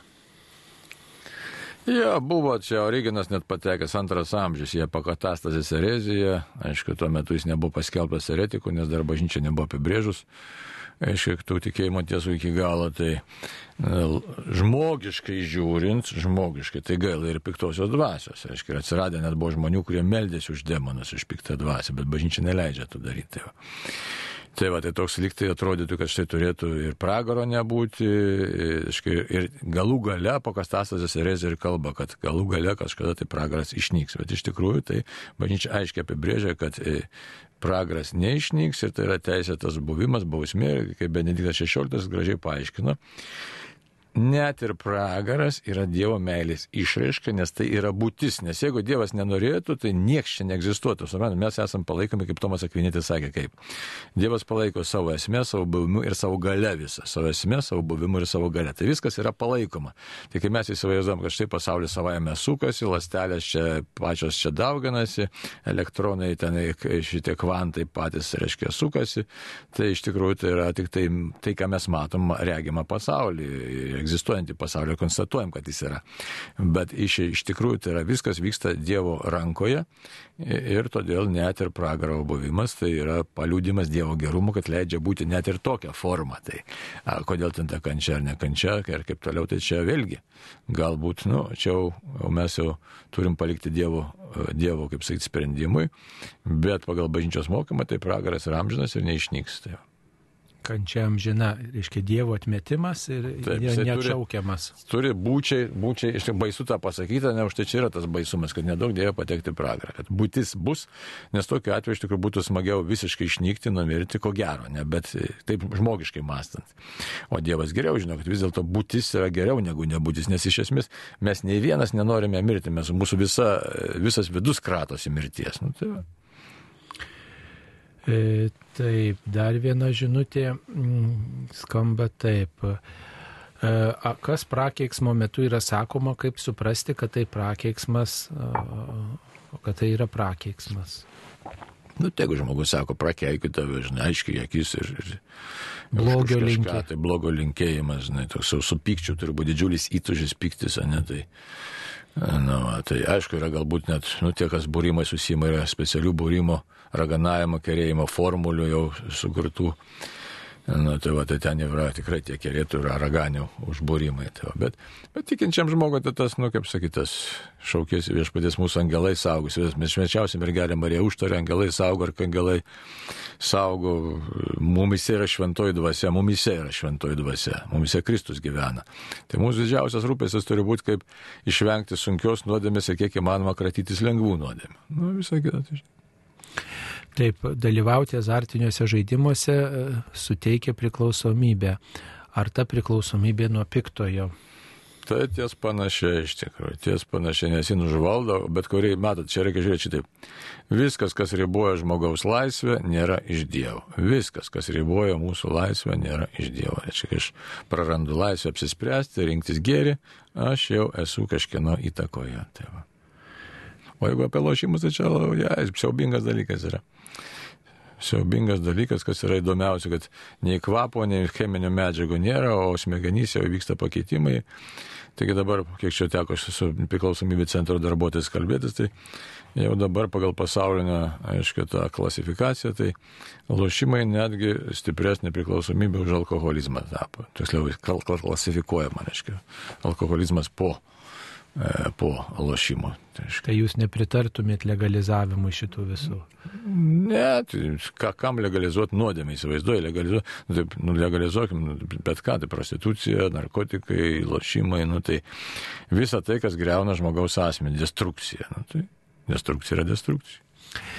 Taip, ką gerbiamas kunigas Arnoldas patartų mokslo metų pradžios progą, kamuoja didis nepritapimo nerimas, baimė būti atmestam bendra moksliu, mokytis teks ilgai, kaip galėčiau tinkamai pasiruošti. Hmm. Jo, geras klausimas ir ne vienam iškyla jaunam žmogui ypatingai. Reiškia, šitoks yra tapatybės klausimas, jis greit nesis, nesisprendžia. Reiškia, kas esu aš? Čia turėtų savo, čia be, be egoizmo, nes sveikas esu, tu vadinami, nu, sakysim, jeigu pažiūrėti, sveikas tas aš, nu nesavotiškai, kaip Erikas Fromas vertina, narcizizmo neišvengs. Tai yra sveikas narcizizmas ir nesveikas narcizizmas. Tai sveikas narcizizmas tai yra, gal net negali vadinti narcizizmu, bet tiesiog tapatumo klausimas. Paprastai yra tas nepritapimas prie bendramžių už tai, kad žmogus pasimeta ir jisai tampa priklausomas nuo bendramžių nuomonės, ten jų įtakos, kalbų, vertinimų. Ir e, tai čia dar šitas dalykas mūsų visus veikia, vertinimas. Tačiau, kas manyje pačiame yra, aš žinau, sakysiu, nu, vertina mane, ne, bet aš turiu savo vertę, aš turiu savo e, pažiūras, aš nebi... dar yra labai svarbus dalykas, ar aš bijau ar nebijau parodyti, kas mano, ta prasme, ne, ne, tą, ne, ne tą tokį jautrumą savo, bet tiesiog savo pažiūras apginti, nu, pabūti savimi. Jeigu aš nebijau ir tiesiog, arba mokausi nebijoti, gal sakykim šitaip, moka, aš turiu, mes mokomės visą gyvenimą nebijoti, e, tai tada anksčiau ir vėliau tas duoda labai gražių vaisių rezultatų, nes kiti žmonės pamato, kad mumise esanti šviesa, jinai duoda, aš pagal save galiu drąsiai to pasakyti, nes teko labai įvairiausių kelių nueiti gyvenime ir tikrai pasiteisina, tas atrodo iš pradžių kaip ir nelengva, lyg eini ir prieš srovę nesulaukia pritarimo, bet anksčiau ar vėliau, jeigu tu išdrįsti būti savimi ir, ir savo pažiūrės išdėsi, ir kad ir nelabai apli, pa, palankioje aplinkoje, bet aš nepataik, stengiuosi nepataikauti, ne vis laik pasiseka iš tikrųjų.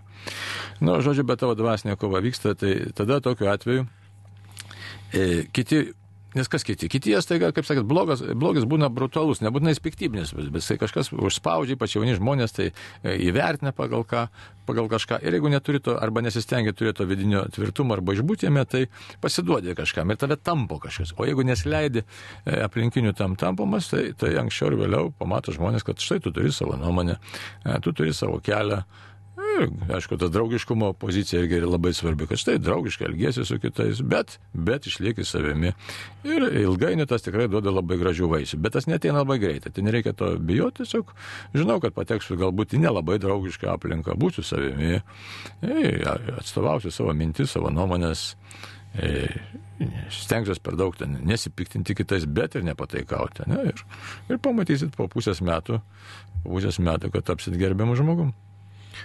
Nu, svarbiausia turbūt nebijoti vienatvės, ne? Ir tas labai svarbu, jo, jo. Dievas visada yra su mumis, kai išliekam darybėse, kai ieškom tiesos, kai norime mylėti, gerą linkėti, net jeigu mūsų nesupranta, nepritarė mums, bet jeigu Tiesiog... Labai, labai svarbu vienišų nepasijausti, kad štai aš čia dabar jau atmetu, matai, atmetimo. Gailėti savęs. Jo, tas atmetimo pojūtis yra labai baisus, tas nemelės išgyvenimas. O tiesiog štai, tu, o kai mano tėvas man labai patydavo, sako, jis, tiesiog jie kažko nesupranta, tai čia nebūtinai reiškia, čia, čia nėra arogancija kažkokia, aš matau pasaulį kitaip, o jie, jeigu aš turiu, pažiūrėjau, reikia tvirtumo, vėl vis tiek čia tapatybės klausimas. Jeigu aš turiu tikėjimą, aš jo gyve, gyvenu ir gyvensiu. O jeigu jie kažko nesupranta, tai ateis laikas, kai supras. Dabar dėl ko taip kalbu, tarybiniais laikais teko aukti, ne mokykloje.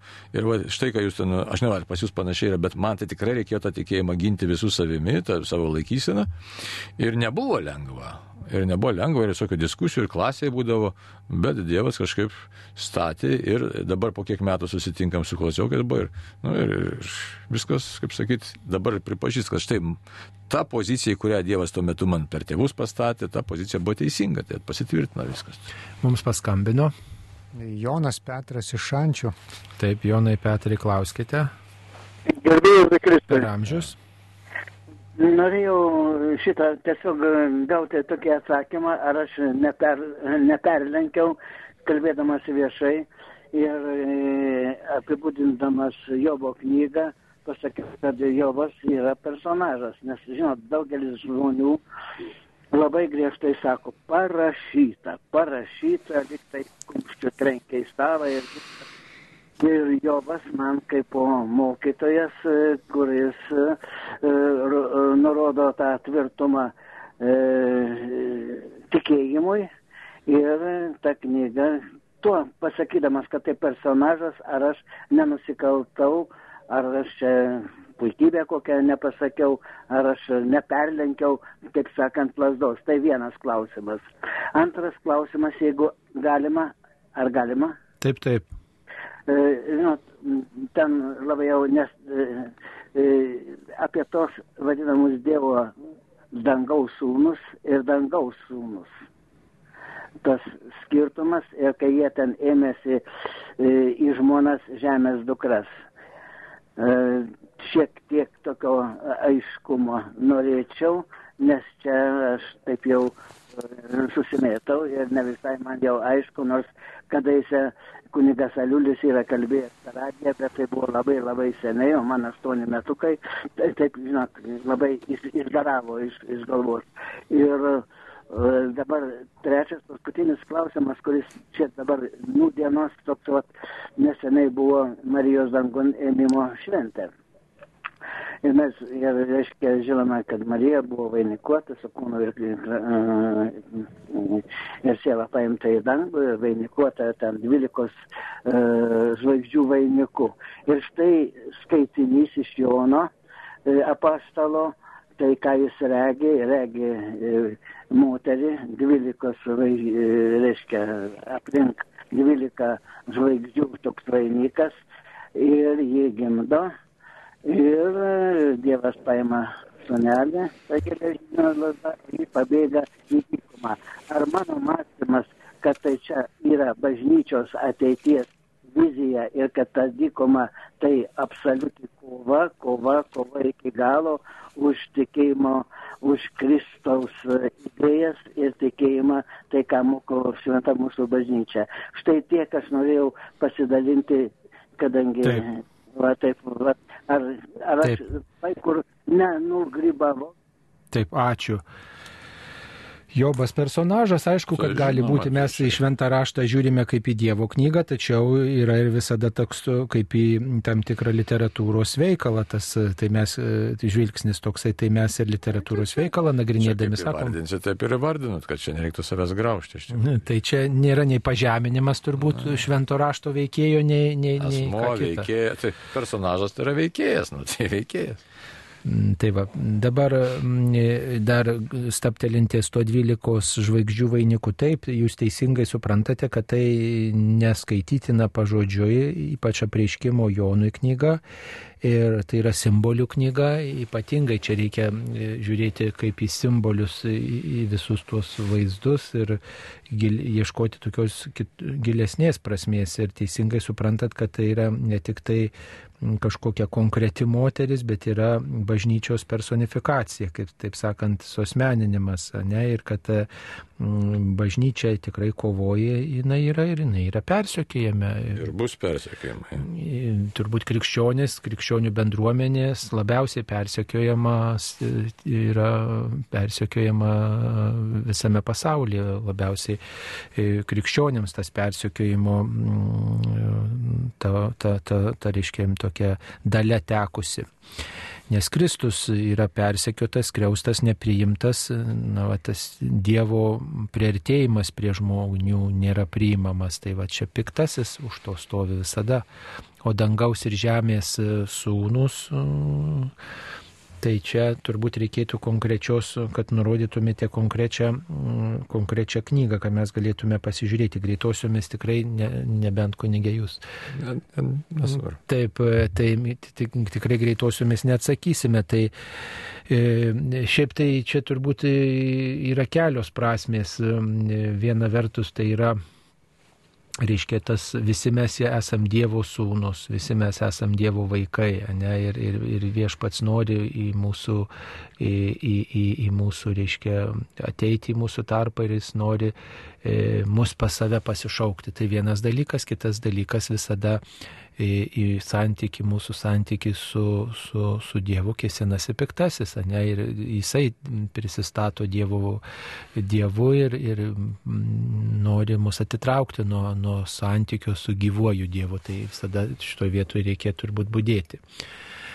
Taip, dar viena žinutė, ar būtina per didžiasias religinės šventės aplink bažnyčią renkti procesiją, kas yra už ją atsakingas, ar dekanas, ar tikintieji, pas mus dekanas paklaustas atsakė, o ko jūs patys nesurengėt, tai kaip gali pasaulietį žinoti eilės tvarką, nešant vėliavą su šventaisiais, ar teisus dekanas ir dvasininkai taip mm, pareikšdami. Nu tai e, pirmiausiai turbūt atsakingas yra klebonas, e, ne klebonas, tos parapijos klebonas, e, kuris na, um, numato, kaip čia bus ta procesija, ar jinai bus. Ar bus ar nebus. Ar kokia proga jinai bus per didžiasias religinės šventės. Nu, paprastai procesija rengiama yra per Velykas, taip pat rengiama per e, atlaidus, jeigu yra e, to procesijos dalyvių, nu, per devintinių šventę rengiama procesija. Vėlinė procesija į kapines gali būti. Vėlinės ar į kapines arba pačioj bažnyčioj. Tai atsakingas paprastai būna kažkoks arba zakristijonas, arba kažkoks pasaulietis, kuris vat, surenka tuos žmonės, kurie neš kažką arba pasako, sustato juos.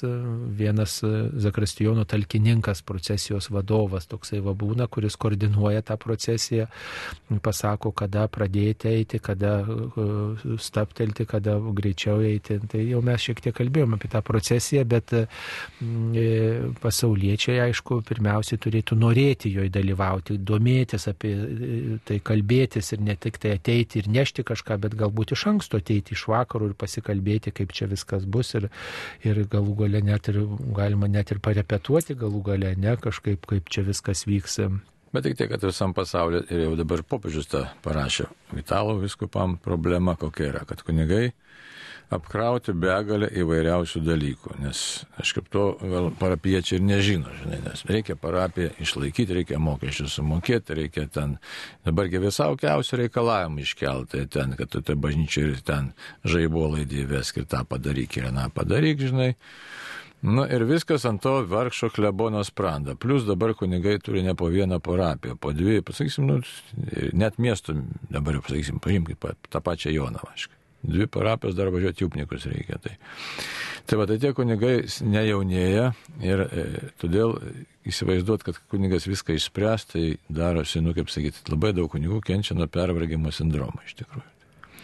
O kur dar žmonių norai? Dabar tai norai mūsų, matot, visai pasikeitė. Tai žmonės nori visko, nori visi supratimo, nori meilės atjautos, bet tas, nu, tie norai nesibaigiantis, jie tokie, žinai. Nu, žodžiu, žodžiu, esam tokiai savotiškai situacijai ir todėl, aišku, tikrai turėtų būti noras kunigui padėti. Tai padėti realiai. O procesijas kita vertus, tai žinai, ten ir altorėriai nešam ir visa kita, ir, ir, ir daug dalykų tie jau tikrai tokias pabandyti visiems išsiaiškinti, kam jie mums reikalingi, kad suprastume, kurioje čia vietoje čia, ką čia turiu nešti, ką čia vaizduoja, nes daug kas jau praradė savo liturginę prasme. Tai taip, kad čia toks turėtų gimti toks bendradarbiavimas norinčių į, į aktyvių parapiečių su, su kunigu, kaip čia mes švesime savo šventės, nes kitaip tai čia tik tai toks pasivaikščiojimas išeina, nelabai kam reikalingas. Dar vienas klausytojas klausia, kai aš buvau tikintis, mane dažnai kamuodavo piktosios dvasios, kai susivokiau, studijuodamas gamtamokslį filosofiją ir tapau agnostiku, tikiu tik tuo, ką žinau, jokie velniai nebeturi man galios, ar čia nėra pats geriausias egzorcizmas.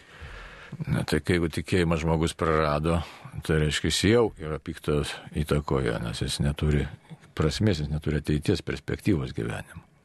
Tai čia savi apgaulė tokia, reiškia, įsivaizduoju, kad netikinčių nepuola velnas. Jie jau jie yra įtakojęs. Gali būti labai geras žmogus psichologiškai, net gali būti ramai kitas iki ramus, ne, stabilus, net gal geresnis užtikinti žiūrint šitai. Bet, bet čia visai kitaip yra, tai mano gyvenimas jis yra baigtinis didis.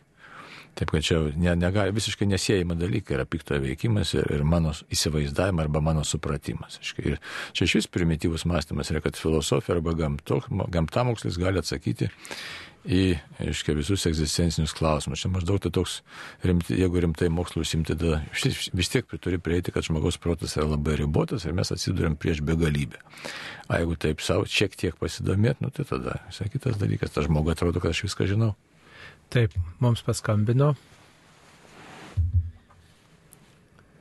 Taip, kasgi mums paskambino? Stefanija iš Kazlų Rudos. Taip, mėla Stefanija, jūs eterija, klauskite. Aš norėčiau atminti man, kad kunigo Volkausko paklausti turcistas vyriausias. Taip. Turbūt gal. Klauskite. Tai prieš mėnesį kokį dingo mergaitė 17 metų išvažiavo į Ispaniją su draugu mhm. ir dingo. Dabar neranda niekur. Pas mane dirba jos uh, močiutė globėja. Aš labai pergyvenu. Norėčiau padėti, ar kunigas Volkauskas ne, negali sužinoti, ar jin gyva, ar... ar... O, kaip, o kaip aš galėčiau sužinoti? Tai egzorcistas meldžiasi. Egzorcizmas viso labo yra, ne, viso labas. Yra bažnyčios malda, prašant Dievo, kad išeitų piktoji dvasia. Tai mes galim tik pasimelsti. Matau, čia maišas su ekstrasensais, kurie užsima burtais ir, aiškiai, eina į dvasių pasaulį, ten šį bei tą gali sužinoti demonų padedami. Tai, va. tai mes galim tik pasimelsti, kad dabar ar laidos metu, ar po laidos paprašyti Dievę, kad apšvies parodė kelią, kad mergaitė, mergaitė sugrįžtų namo. Tai va kas ten atsitiko, ar ten šiaip jinai kur pasislėpė ir nenori grįžti pas tėvus, jie tiesiog gera, ar kad kokia nelaimė būtų neatsitikus. Tai, tai taip yra, tai tiesiog maldoj pasiliekam. Na, bet yra tokių žmonių, kurie, vat, norėdami surasti savo artimuosius, kreipiasi iš tiesų į egzorcistus ir jie pasako, kad į, į šitus ekstrasensus.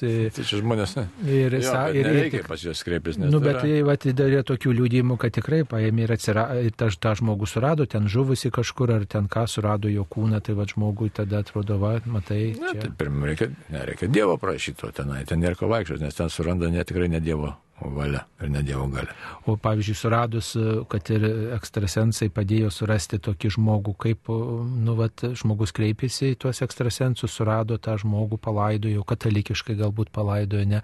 Ar yra tokia, tokiam žmogui tada irgi kažkokia įtaka to, nu, vat, Žinoma yra, žinoma. Aš tu suradai savo artimą palaidoje, tarsi teisėtas tavo jau Ja, bet lūkestis. aišku, nusidėjai Dievą, kuo greičiau iš pažinties spėjai, kad buvau pas burėjai. Aš matai, čia kal- nekalbu šiaip tuščio vietą, aš pačiam man teko bendrauti tais ekstrasensais ir, ir tokiu labai jau aukšto lygio ir savo laiku, reiškia, bandžiau šį beitą suprasti ir galiu pasakyti, prisipažinti, kad pats, nu, pa, tiesiog, nu, lindau ten, kur nereikia, iš smalsumo, ta prasme, kad tiesiog su jais ten bendraudamas ir klausinėdamas. Tai, aišku, kita vertus nemažai sužinojau, ta, kaip jie ten veikia, kaip ten vyksta viskas, bet, bet, bet negerai, taip nereikia daryti, taip negalima daryti, net taip pasakiau, ne, nereikia daryti. Bet galvoju, aš čia kunigas, saugus, čia viskas taip toliau, iš tikrųjų taip nėra. Taip nėra ir už tai, jeigu be- teko bendrauti su šito tėvo Benuagį, man pasikvietė kažkaip prieš 12 metų į Lietuvą, e, tai jisai iškelia, tiesiog su viskupo leidimu, ten dalyvauja visokios ten satanistiniuose koncertuose, renginiuose ir taip toliau, bet tai už jį meldžiasi maldos komanda, kad ne tai, tai jam neturėtų įtakos. Tai va, tai, ir tai dar klausimas, ar neturi įtakos. O šitaip lengvabūdiškai, tai aš irgi buvau patekęs tą lengvabūdiškumą, tikrai prisipažįstu. Ir, Na, nu, tokį Vytautą Kapačiauską pažinau, reiškia, su juo bendraudom, čia buvo garsus ekstrasensas Lietuvoje. Paskui, reiškia, tokie yra iš, iš Kadainės, taip teko mat pačiam, nu, per labai įdomių dalykų klausti ir tikrai veikia, tai bet paskui kas tai yra. Tu esi pastekęs, tiesiog atsižadėti viso to tave tikrai tai veikia šimtas procentų, galiu pasakyti, šimta procentų, ne, ne 99. Ir tu patenki kitų jėgų įtaką ir, ir aišku, dar kunigystė kažkiek saugo, žinai, bet Dievas išgelbėjo, bet, bet tai, nu, tai yra labai pavojingi dalykai. Taip, dar vienas e, e, klausimas, kam reikia e, išpažintyje kunigo, ar Dievas negali atleisti tiesiogiai? Tai čia senas klausimas, čia ir va tų žmonių, kurie nu, nedrįsta arba nesupranta. Čia yra nesupratimas Dievo malonės veikimo. Ką viešpas pas įsteigė bažnyčią, įsteigė bažnyčią, kas yra Kristos mistinis kūnas, kur realiai gauni atleidimą per būtent tokiu būdu, kaip Jėzus nurodė. Tai čia vienas dalykas, kad pats tas paklusnumas yra labai reikalingas, kad to tiesiog Jėzus tai pasakė, bet kitas dalykas, kad tu gauni rea, per realų ženklą, konkretų ženklą, taip sakytum, gauni realų konkretų atleidimą. Tai nėra menamas, tai nėra įsivaizduojamas, nes šiaip jau aš prašau, taip, Dievas atleidžia, bet čia yra tikras dalykas, sakramentinis dalykas, tai yra, kad už ženklų slypi amžinybės tikrovė, tikroji antgamtinė tikrovė. Tai čia yra pats svarbiausias dalykas. Tai man nereikia žinoti, tas kunigas geras ar blogas, mano esmė, kad štai aš esu bažnyčios narys ir Dievo malonė, tai yra Dievo veikimas į mane yra labai konkretus. Man nereikia kažkokiu tai tokių numanomų dalykų. Čia nėra numanomas dalykas, čia yra tikras dalykas. Čia tas pats svarbiausias dalykas. Tik mes suprastume bažnyčios prigimtį, esmę ir sakramentinį buvimą, na, tai tada tiesiog mes, na, turbūt išpa, išpažintis tikrai vienas labiausiai didžiausiai mums Dievo paliktų gėrių, dovanų. Tikrai labai svarbus gėris, nes mes galime sugrįžti į malonę stovį su tikrumu. Bet kodėl dabar yra taip nešvenčiamas tas susitaikinimo sakramentas ir net Lietuvoje ir net laiduose vis, vis kuo toliau, Supratimo trūksta puikybė, iš tikrųjų puikybė, aš didelis, man nereikia, aš čia nieko blogo nepadariau, iš tikrųjų e, nusilpęs tikėjimas, nusilpęs religingumas, mes nematom savo trūkumų, mes ne, net nesidomim tai savo trūkumais, mes, o nesidomim todėl, kad man nerūpia amžinasis gyvenimas, aš gyvenu čia dabar geriau, čia per langą matom visi žmonės, čia kavytę geria ir taip toliau, gražiai atrodo, vaikšto, džiaugiasi, linksmi, atrodo toks pasaulis ir dabar apie kokią išpažinčią čia galiu kalbėti, kai aš esu toks, vat, toks, vat esu, supranti, toks va, jau e, pasaulio centras. Tai va, kaip, kaip ten sako žmogus, paskaičiau e, fizikos vadovėlį ir aš jau viską žinau, nu, tai ką, ką man reikia. Puikybės čia ženklas. Tai be jokios abejonės. Čia didelio nuolankumo reikia pripažinti savo klaidas, turbūt. e, Ir matai, dar kitas dalykas, ir ne, dar nesupratimas Dievo meilės yra. Nes Dievas mane taip myli, taip myli, kad jis pasiruošęs ir tikrai jis man dovanoja mano kaltybės. Tik tai ateik pas mane, jis sako, tik ateik, nu, nusižemink, būk. Suprantas, kad šaukis, kad man tavęs Dieve labai reikia. Jeigu krikštas visų denominacijų bažnyčių galioja, tai kodėl komunija ir mišios turi negalioti? Juk Jėzus turi visur tas pats, jeigu dalyvausiu mišiuose visų bažnyčių, tai bus ekumenizmas, o Dievas juk to ir nori. Nu, va, čia supainioti keli dalykai. Čia labai stipriai supainėti, čia sunku išpainėti. Kri- Krikštas galioja, nu, tai klausimas visur ar visų galioja, bet ne. jeigu pagrindinių krikščioniškų bendruomenių paimsime, ne, sakykime, ortodoksų ir, ir, ir, ir protestantų krikštas, nes yra trejybės vardu. Trejybės Tai vardu. jeigu dar pasitikrinti, aš kiek žinau, aš kad reikia kūrė klausti, ten reiškia, tie dokumentai yra, yra susitarę, sakysim, Lietuvoje bendruomenės, e, kurie pri, tiesiog sutarė, kurie mes galim priimti, kad tikrai ten krikštas yra įvykęs. Jeigu ne, tai reikia perkrikštyti. E, Nu, nes, nes galioja todėl, kad jeigu trejybės vardu ir nu, ta- tai yra tokia turbūt nuostata, kad tai yra žmogaus išgelbėjimui pagrindinis dalykas. Va, o, o komunija tai negalioja todėl, kad nėra vienybės. Ir ne Nėra. tik vienybės, Euharistija, Nėra. pavyzdžiui, sakysim, protestantiškos bendruomėse neturi kunigystės sakram, sakramento, nėra kunigo. Reiškia, laužo duoną, ten geria Nu, vyną. Jie vadinasi gal kunigų, bet neturi tų galiojančių šventimų, Nu, nu, sukcesijos š- apaštalinės nuo paštalų laikų ateinančios. Tai, va, Tai tada nėra ir mišių tų įvykių. Tai iš vis nėra, tai reiškia, o, o jie įsivaizduoja, kad čia štai Kristaus kūnas ir kraujas. Tai čia daug ką gali įsivaizduoti. Vaikai mėgsta irgi žaisti mišes. Tai, tai tada mes ir tą galim pavadinti ekumenizmu. Na va, tai tikrai kviečiam visus ieškoti tiesos, ieškoti, ieškoti prasmės ir, ir gilinti savo tikėjimą. Ir tikrai kviečiam visus uh, ugdyti tikėjimą, dėti pastangas, kad mes domėtumės tikėjimo ne tik tai savo puikiu. Taip, ir laidoje dalyvavo kunigas Arnoldas Valkauskas ir aš kunigas Saulis Bužauskas. Būkite palaiminti, ačiū sudė. Sudė.